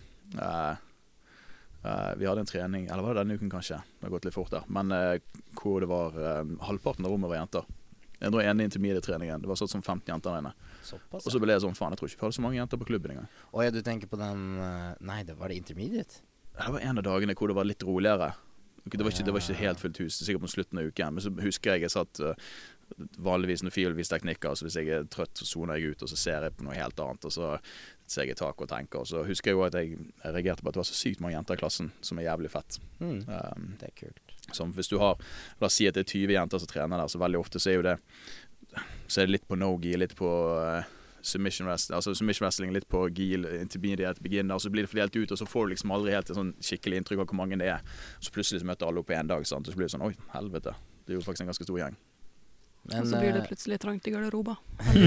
Nei, men se på Frontline, har ikke det problemet. Guttene har en bitte lille garderobe i Jeg har jo vært på frontline i den garderoba. Den er ikke stor. Den er større enn Ja, den er fortsatt ikke stor. Det er bare OK, vi har flere dusjer. Det har vi. Men, Ja. vi, men vi, har ikke, vi har ikke større garderobe. Det har vi ikke. Jeg tror vi har sånn halvparten av benkplassen, og så er det sånn smalt rom, sånn at når vi skal gå fri hverandre, så må vi gnikke i hverandre.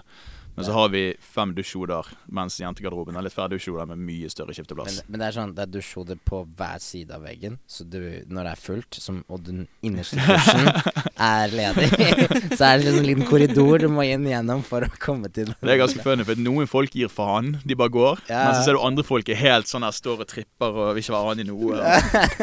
det er mye forskjellig. Men det er rart hvor mye jeg kvepper bare noen er litt annen meg når jeg er helt naken i garderoben. Bare så skjønner ikke helt hva som skjer. Bare så jeg plutselig så prippen i akkurat denne settingen. Hva skjedde? Altså, jeg har jo vært på gym i USA der det ikke var en damegarderobe engang. Åh, ja. Vi har vært rundt og kikket og litt. Det, det, er, det er ikke alt som er like Nei. Vi har det fint. Ja. Og så er det jo sånn Hei, ja, det er en felles dusj for både gutter og jenter, og det er den dusjen dere har. Alle, Ja. Veldig mange i USA skifter jo hjemme, da, eller dusjer hjemme. Eller så har de bare ikke dusj på gymmet. i Ja. Det hele tatt. Det er jo Ja. veldig mye sånn strip mall-gym der Ja. det ikke er dusj.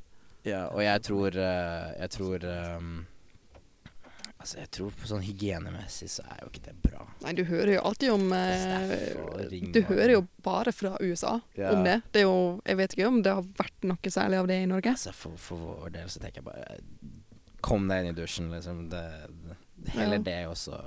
kan du ta en ekstra dusj når du kommer hjem hvis du svetter fortsatt, eller hvis det er noe sånt. det- Jeg vet ikke. Det er rart. Men uh, nei. Det å vaske jeans sin og klippe negler, da. Jeg tror amerikanere generelt er litt mer sånn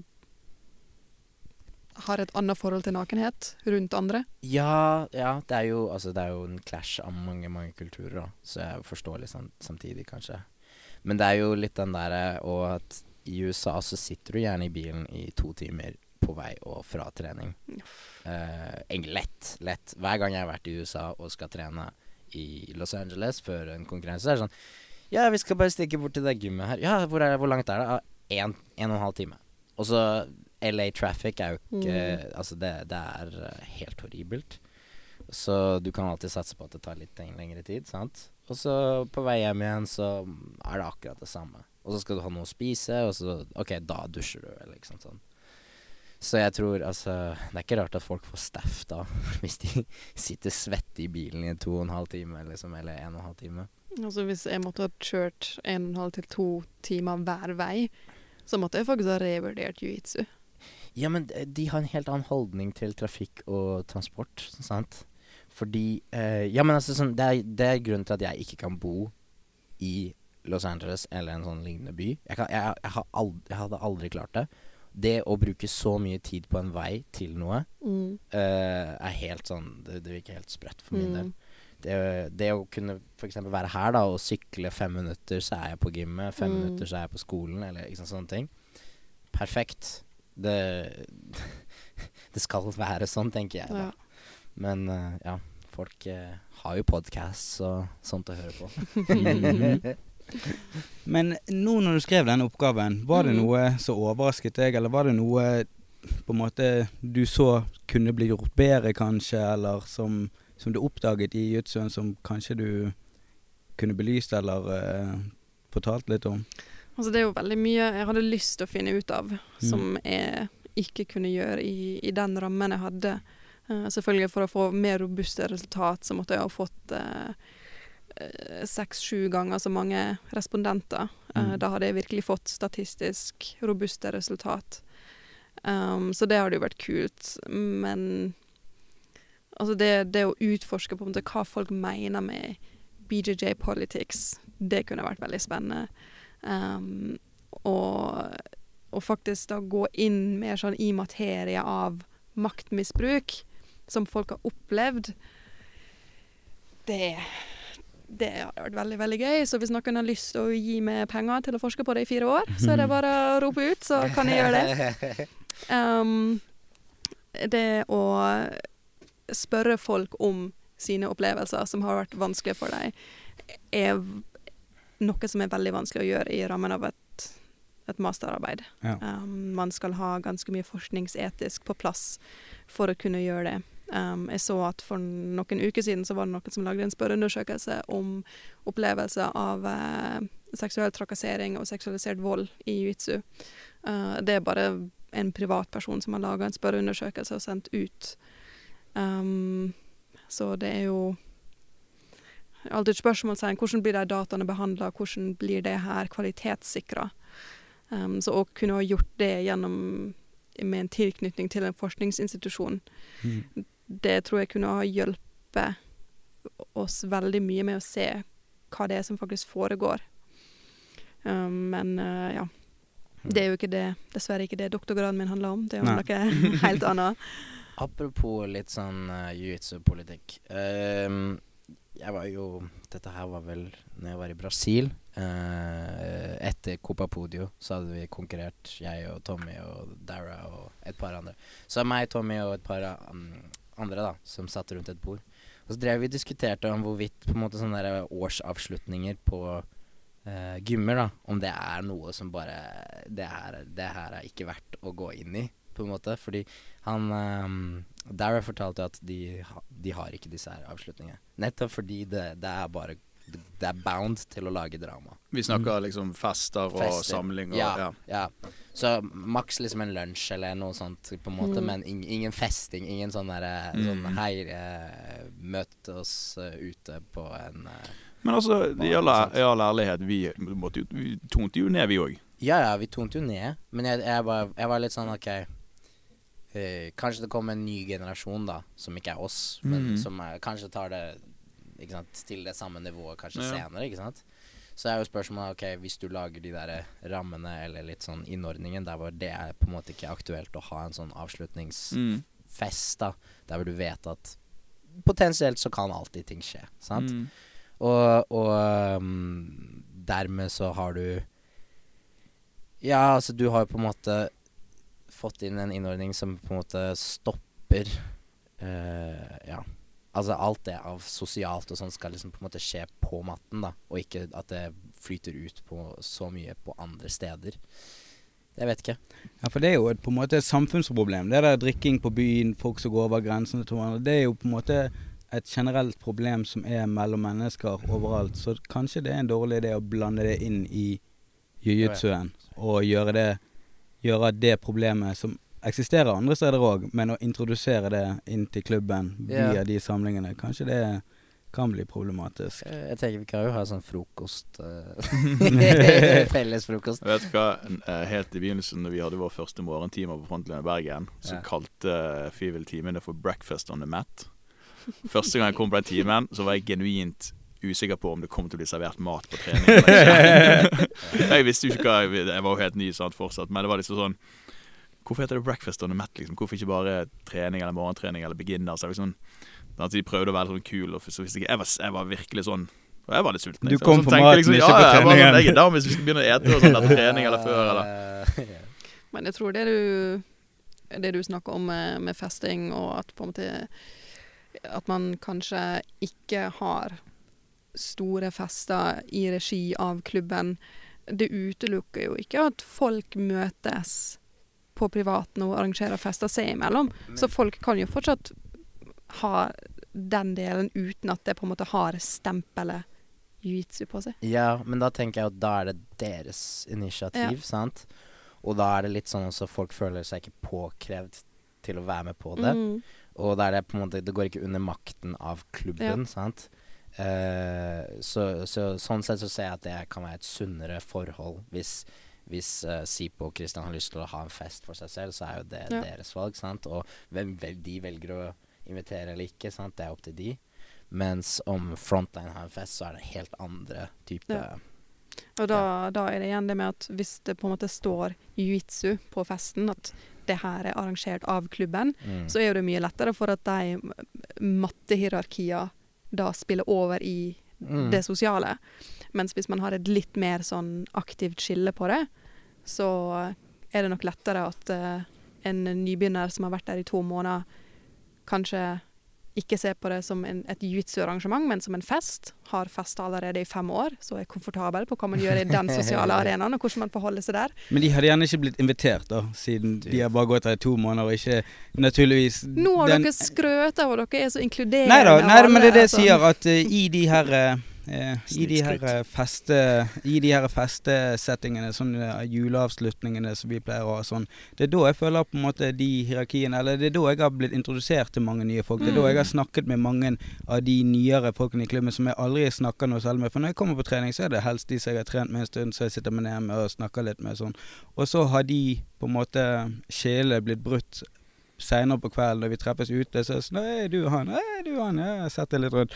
Og så har jeg på en måte samtaler med folk som ellers jeg aldri hadde snakket med på gymmen. Bare på når, i, på, når jeg trente i begynnelsen, så prøvde jeg å snakke med alle, men nå er det sånn at hvis ikke jeg har sett deg her en stund, så investerer ikke jeg så mye energi i å bli kjent med deg. For det at sannsynligheten for at du blir, er ikke ja, skyhøy. Det er mange som forsvinner etter hvert. sant? Folk kommer inn, og folk kommer ut. Så sånn blir det. Men da er det Jeg føler på en måte det er veldig mange som har brukt de anledningene til å komme inn i sfæren og bli en del av miljøet mer enn en, enn, eh, de hadde gjort hvis vi bare traff hverandre på matten hele tiden. Og hvis jeg skulle arrangert en fest, så hadde jeg gjerne ikke gått til en person som jeg ikke kjente noe særlig godt, og bare sånn Hei, skal du være med på festen min i kveld? Sånn, for det er litt unaturlig for meg å gjøre det. Det jo, Så det kommer jo Jeg føler det kommer mange positive sider med, med de der festene òg, Mm. men det kan godt være at det er en for høy pris å betale i det store og det hele, hvis det skjer uting òg. Jeg kan jo bare si at den siste festen vi hadde, så vi, vi danser jo mye. Jeg, jeg selv elsker jo å danse, og det skal ikke så mye for å få meg ut på dansegulvet.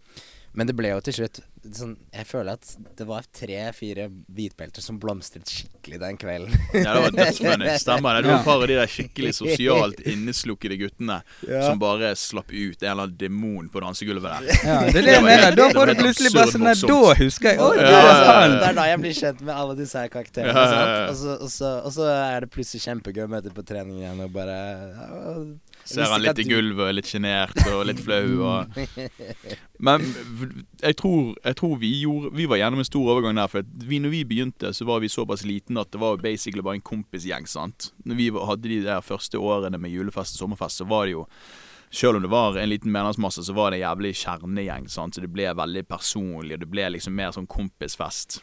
Eh, mens nå de siste årene så har det blitt litt mer sånn jeg vet ikke, folk, folk har begynt å ta litt mer hensyn, det er litt mer formelt. Ikke de der eh, passe rundt shottebrettene med 50 shotter på, liksom sånn. Fordi at det var Jeg vet ikke Det var annerledes før, syns jeg. Nå er det blitt litt mer sånn Det handler litt mer om kollektiv, og vi bruker litt mer tid på å prøve å få folk til å liksom bli kjent med hverandre. Eller sånn som Sipo sier at jeg gjør. For jeg gjør akkurat det samme. Jeg ender opp med å liksom snakke litt med folk som jeg egentlig ikke har brukt så mye tid på på gymmet før. eh, og bli kjent med andre folk. Men før så føler jeg at vi har vært mer på sånn kompisfyller.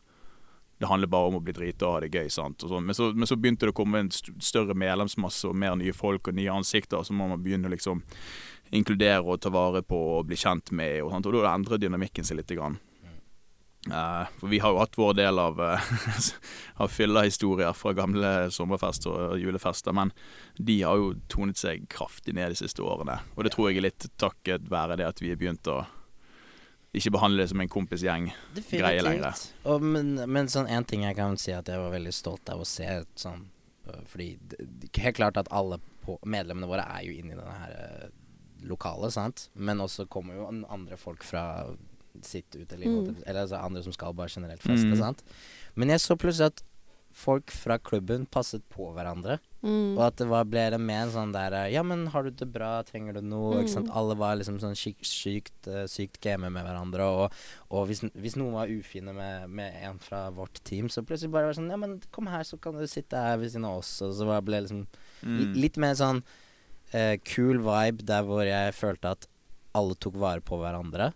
Og vi var, så, Mm. vi var jo egentlig overalt i hele klubben. Sant? Vi, det var jo bare oss og kanskje Altså, vi pleier å være på Brukbar.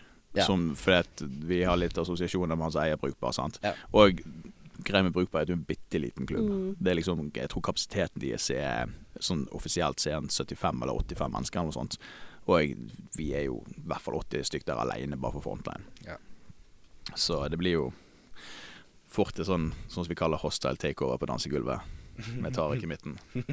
Og på tross hvor bra han beveger seg, så har han ingen rytme. Ja, men det, det, det er spørs. uh, Det er jo bare fordi musikken ikke tilpasser seg han. Jeg vet ikke, jeg. Jeg er usikker. Nei, nei. Det er podkast. Ingen kan se meg danse, så det går bra. Nei, men jeg har um, aldri følt meg så sikker på fest og på byen som når jeg har vært på tur med jiu-jitsu-folk. Mm. For da vet jeg at det er folk som, som kan trå til hvis det skulle skje noe. Har Ja. heldigvis uh, sjelden skjedd noe. Men uh, Definitivt. Ja, det var, jeg husker dere um, vår kjære, vår kjære Goran, Oh, ja. som uh, Det var en av, en, av, en av de andre medlemmene som ble uppet litt med av en eller annen random gjest. Og så liksom gode, gamle Goran som liksom er voksen kar med voksent liv og liksom sånn. Og har litt sånn judobakgrunn og litt sånn òg. Det endte jo opp med en veldig kjapp neon belly midt inn på gulvet foran baren på Kalibar for mange år siden. Take down Bare clean as fuck. Og det var litt den der uh, komoraliteten igjen. Så det, var, det husker jeg var jævlig morsomt. Uh. Nei, nok med de festene. Jeg orker ikke lenger. ja, nei, jeg er fyllesyk i to uker etterpå. Jeg er lei av uh, de Jeg er blitt gammel. Hva skjer fremover? Fremover Uh, Ja, vi har jo uh, en konkurranse neste helg, for min del i hvert fall. Scandinavian Open, så skal jeg bort til uh, Mjøndalen i Sverige, Mm. som er sør for Göteborg. Så eh, jeg skulle opprinnelig møte en eh, fyr fra eh, Prana Jitsu, Emad Omran. Sorry. Sånn. Så Eh, jævlig plukket i dag. ja, jeg er litt plukkete. Jeg, jeg trenger noe å holde på. Nei, og så eh, ble det ikke det noe av, så da steppet jeg Eller teknisk sett, vi begge steppet inn for hverandre, sant? fordi hans Mm. fighter manglet også. Oh, ja, ok. Så eh, jeg skal møte en fyr på 100 kilo. Eh, kroatisk eh, MMA-fighter som eh, bor i Sverige. Os. Os. eh, eh, han er brunbelte, da, så han trener en del gi. Så Kult. jeg, Men skal dere gå gi? vi skal gå gi. Ah, ok. Så i, i BLF-regler. Ja, ok. Jeg trodde det var Norge. Nei, det er gi. Så eh, jeg er down. Det blir kult. Ja, ja. Og etter det så er det et godt spørsmål hva som skjer, ass. Uh, på mine vegne, nå skal jeg skrive en um, bacheloroppgave, da. Så jeg er siste semesteret. Det blir jo selvfølgelig om jiu-jitsu. uh, og um, Men det er litt mer uh, ja, fysiologi ja, og vitenskapsteori, da. Mm. Så min Altså Det jeg skal undersøke, da, eller finne ut av, analysere, er uh, kroppssammensetning da, i jiu-jitsu. Så jeg skal se på hvordan uh, kroppene til guard players uh, ser ut, hvordan kroppene til passerere, eller guard pa passers ser ut, og uh, f.eks. lage en fettprosentprofil da, på ulike vektklassene. Eventuelt hva som er Eventuelt hva som er ideelt da, for prestasjon i de ulike vektklassene. Jeg har en teori. Ja. Jeg har en teori om at um, stående Mm. så er det bedre å være liten og kompakt, mens på bakken er det bedre å være lang. Kan være. Det kan være. Jeg tror, jeg tror kanskje lang, men med kort overkropp. Altså lange lem, men kort overkropp. For de med det- altfor lang overkropp, de, de har for mye side control plass. De, de, er for mye, For mye rom å spille i. Men lange armer og bein tror jeg er bra. Men ikke den lange overkroppen på bakken. Ja, men også er, også er det også sånn OK, er du, er du sterk i beina? Er du sterk i armene? Ja, men det går jo an å jobbe med. Ja, ja, ja, selvfølgelig, men det er jo ikke Nå er jo, nå er jo styrketrening ikke sånn kjempeutberedet i jiu-jitsu. Det er jo fordi folk er late. Ja, ja, ja. Det er folk er late. Men uh, det kommer seg. Det har begynt å bli mye, mye bedre. Og uh, det er jo sånn med nye idretter, sant, at ting, ting blir bedre etter hvert. Men, men det jeg også er interessert i å se i, er om det er mye eh, Kan vi si forskjellen på høyre og venstre side, da. I eh, kroppene til folk, eventuelt om de er eh, Ja, for den bodyscan body som dere gjør, den, der får du se liksom muskelmasse, høyre arm, venstre arm, høyre bein, venstre bein, og liksom Ja. balanse. Mm. De, de maskinene er skumle. Altså. Jeg føler de leser sjelen min. Hvis jeg har hatt en dårlig uke med sjokoladekake, så føler jeg liksom jeg går på den vekten, og så bare smekker den meg. Så sjelen din ligger i abs og biceps? Helt riktig. Mhm. Og hans eh, evne til å sitte oppå trynet mitt av og til. Jeg skal begynne, jeg skal begynne å være styggere nede på scenen, Bare vent. Jeg har tatt hensyn lenge nok. Nå, nå skal jeg, ja, men, så, så, sånn, jeg, så hvis du ser Tariq og Fi vil spare, sant, så ser du jo Tariq hele tiden basically bare manhandle Fivel fordi han hensynsløst passerer, sant. Jeg jeg ikke helt der at jeg Men det er jo noe Jeg synes kanskje fordi jeg er så tung som jeg er, så har ikke jeg lyst til å være den som bare sånn Sant? Spør du meg, Går på den måten. Men hvis jeg gjør det med deg, så er jo det, det akkurat det samme som du gjør med Fivel. Nei, nei, for problemet er at da begynner han å gjøre det med deg òg. Og du er ikke interessert i at han skal begynne å gjøre det med deg. Så jeg holder meg unna de greiene, på grunn av jeg Vet at det, det der responsen, den er ikke jeg interessert i. Han passerer meg på vilje uansett hvis han vil, så det kan ikke bli verre. Jeg, jeg sier at her på Åpen matte i går, så, så hadde jeg en sånn liten eh, utløsning. Sånn han, han gikk kjempeeksplosivt i sånn 20 sekunder. Og så bare så jeg trynet til Christian. Det var ikke verdt det. Vi hadde så jævlig fin, flytende teknisk rull, sant. Ja, ja. Og så var det, Jeg husker ikke hva det var som satte av, men det var et eller annet som satte av, og så ble det sånn fuck it, nå skal jeg passere, nå er jeg lei av det dritet her. Og så hadde jeg den greia der, og så bommet jeg på en um, Jeg skulle um, um, Jeg vet ikke om jeg skulle longsteppe, det var et eller annet jeg skulle gjøre, og så bommet jeg litt, og så bare landet jeg på hoften, og så ble jeg sånn Var umotivert med livet, så ville jeg bare hjem. Da var jeg ferdig. og så i mitt hode så skulle det se praktfullt og magnificent ut, det jeg skulle gjøre, og så bare, bare sånn bare falt det på ræva, så ble det sånn Ja, greit, ferdig. Ikke mer trening i dag. Nei. Men uh, Tariq, hvor mange folk skal du eh, analysere? Se på? Eh, Så eh, vi har i prinsippet allerede 320 eh, scans -hmm. å se på. Eh, kan hende det blir et par flere eller et par mindre, ettersom at vi må se hva som vi utelukker. og eh, Det er litt sånn i forhold til alder og eh, eventuelt hva som er relevant å ta med, og litt sånne ting, da. Mm. Uh, og ja, kategoriene vi kommer til å dele opp, er litt på selvfølgelig kjønn og alder.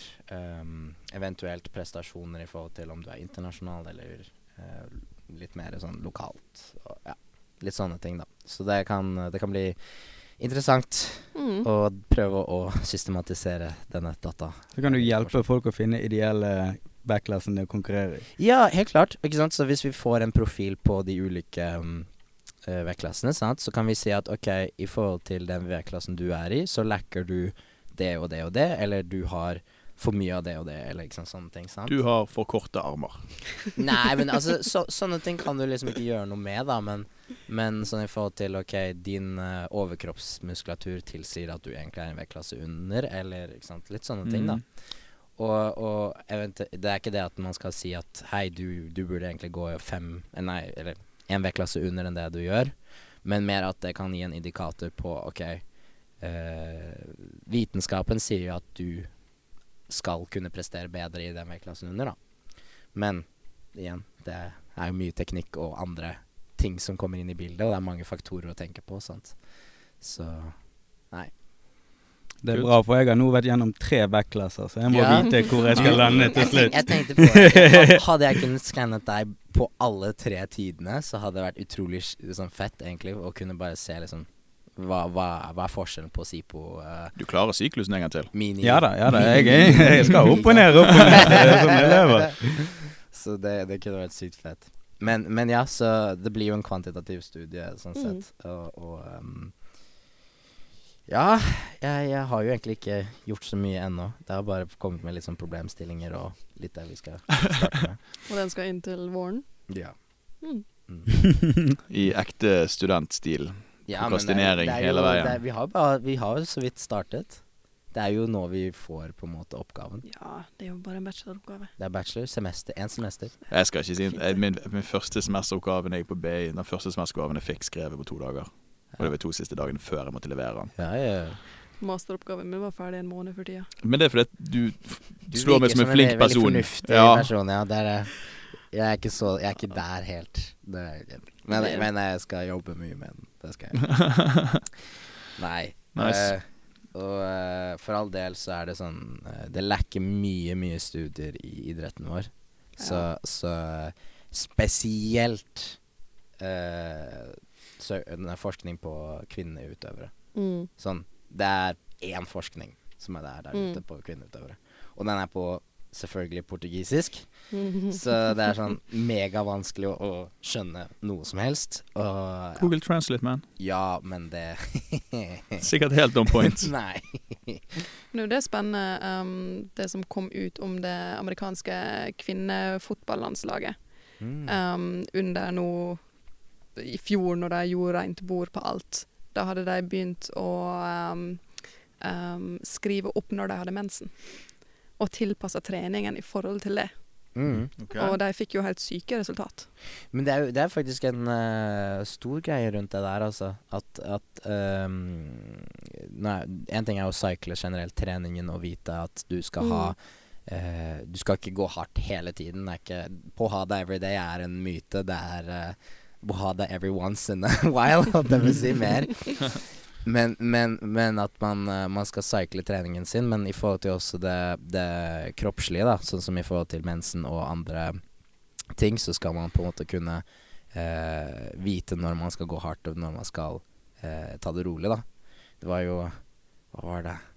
Det var eh, en av læreren min på Høgskolen i Oslo da, som sa at han, han holdt på nesten å skrive en bachelor om det temaet, men, men han valgte å ikke gjøre det fordi det var så utilpass, da.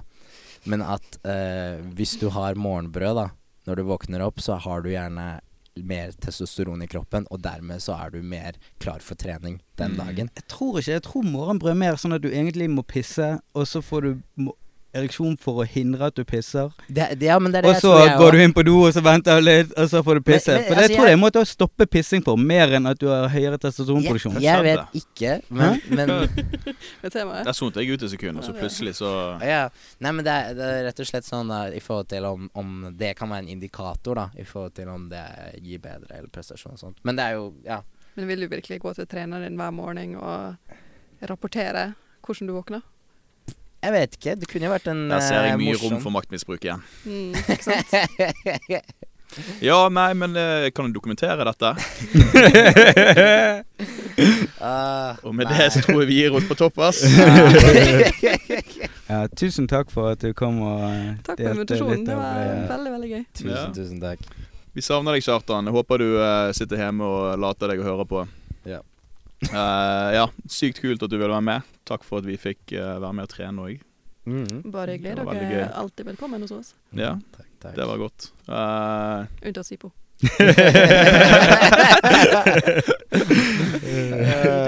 Simon får komme til oss for å. Nei, så første episoden fra Pysjamasprat i 2020. Vi skal prøve å komme litt mer regelmessig. Vi sitter og peser hverandre for å prøve å finne litt sånn skjema og være litt mer, eh, litt mer aktiv. Ja, nå har vi også investert litt i sånn eh, Utstyr. utstyr, så nå er vi litt mer eh, flinke til å kunne flytte på oss og ta opptak. Fuck yeah. nice. Takk for oss. Takk for oss. Oss.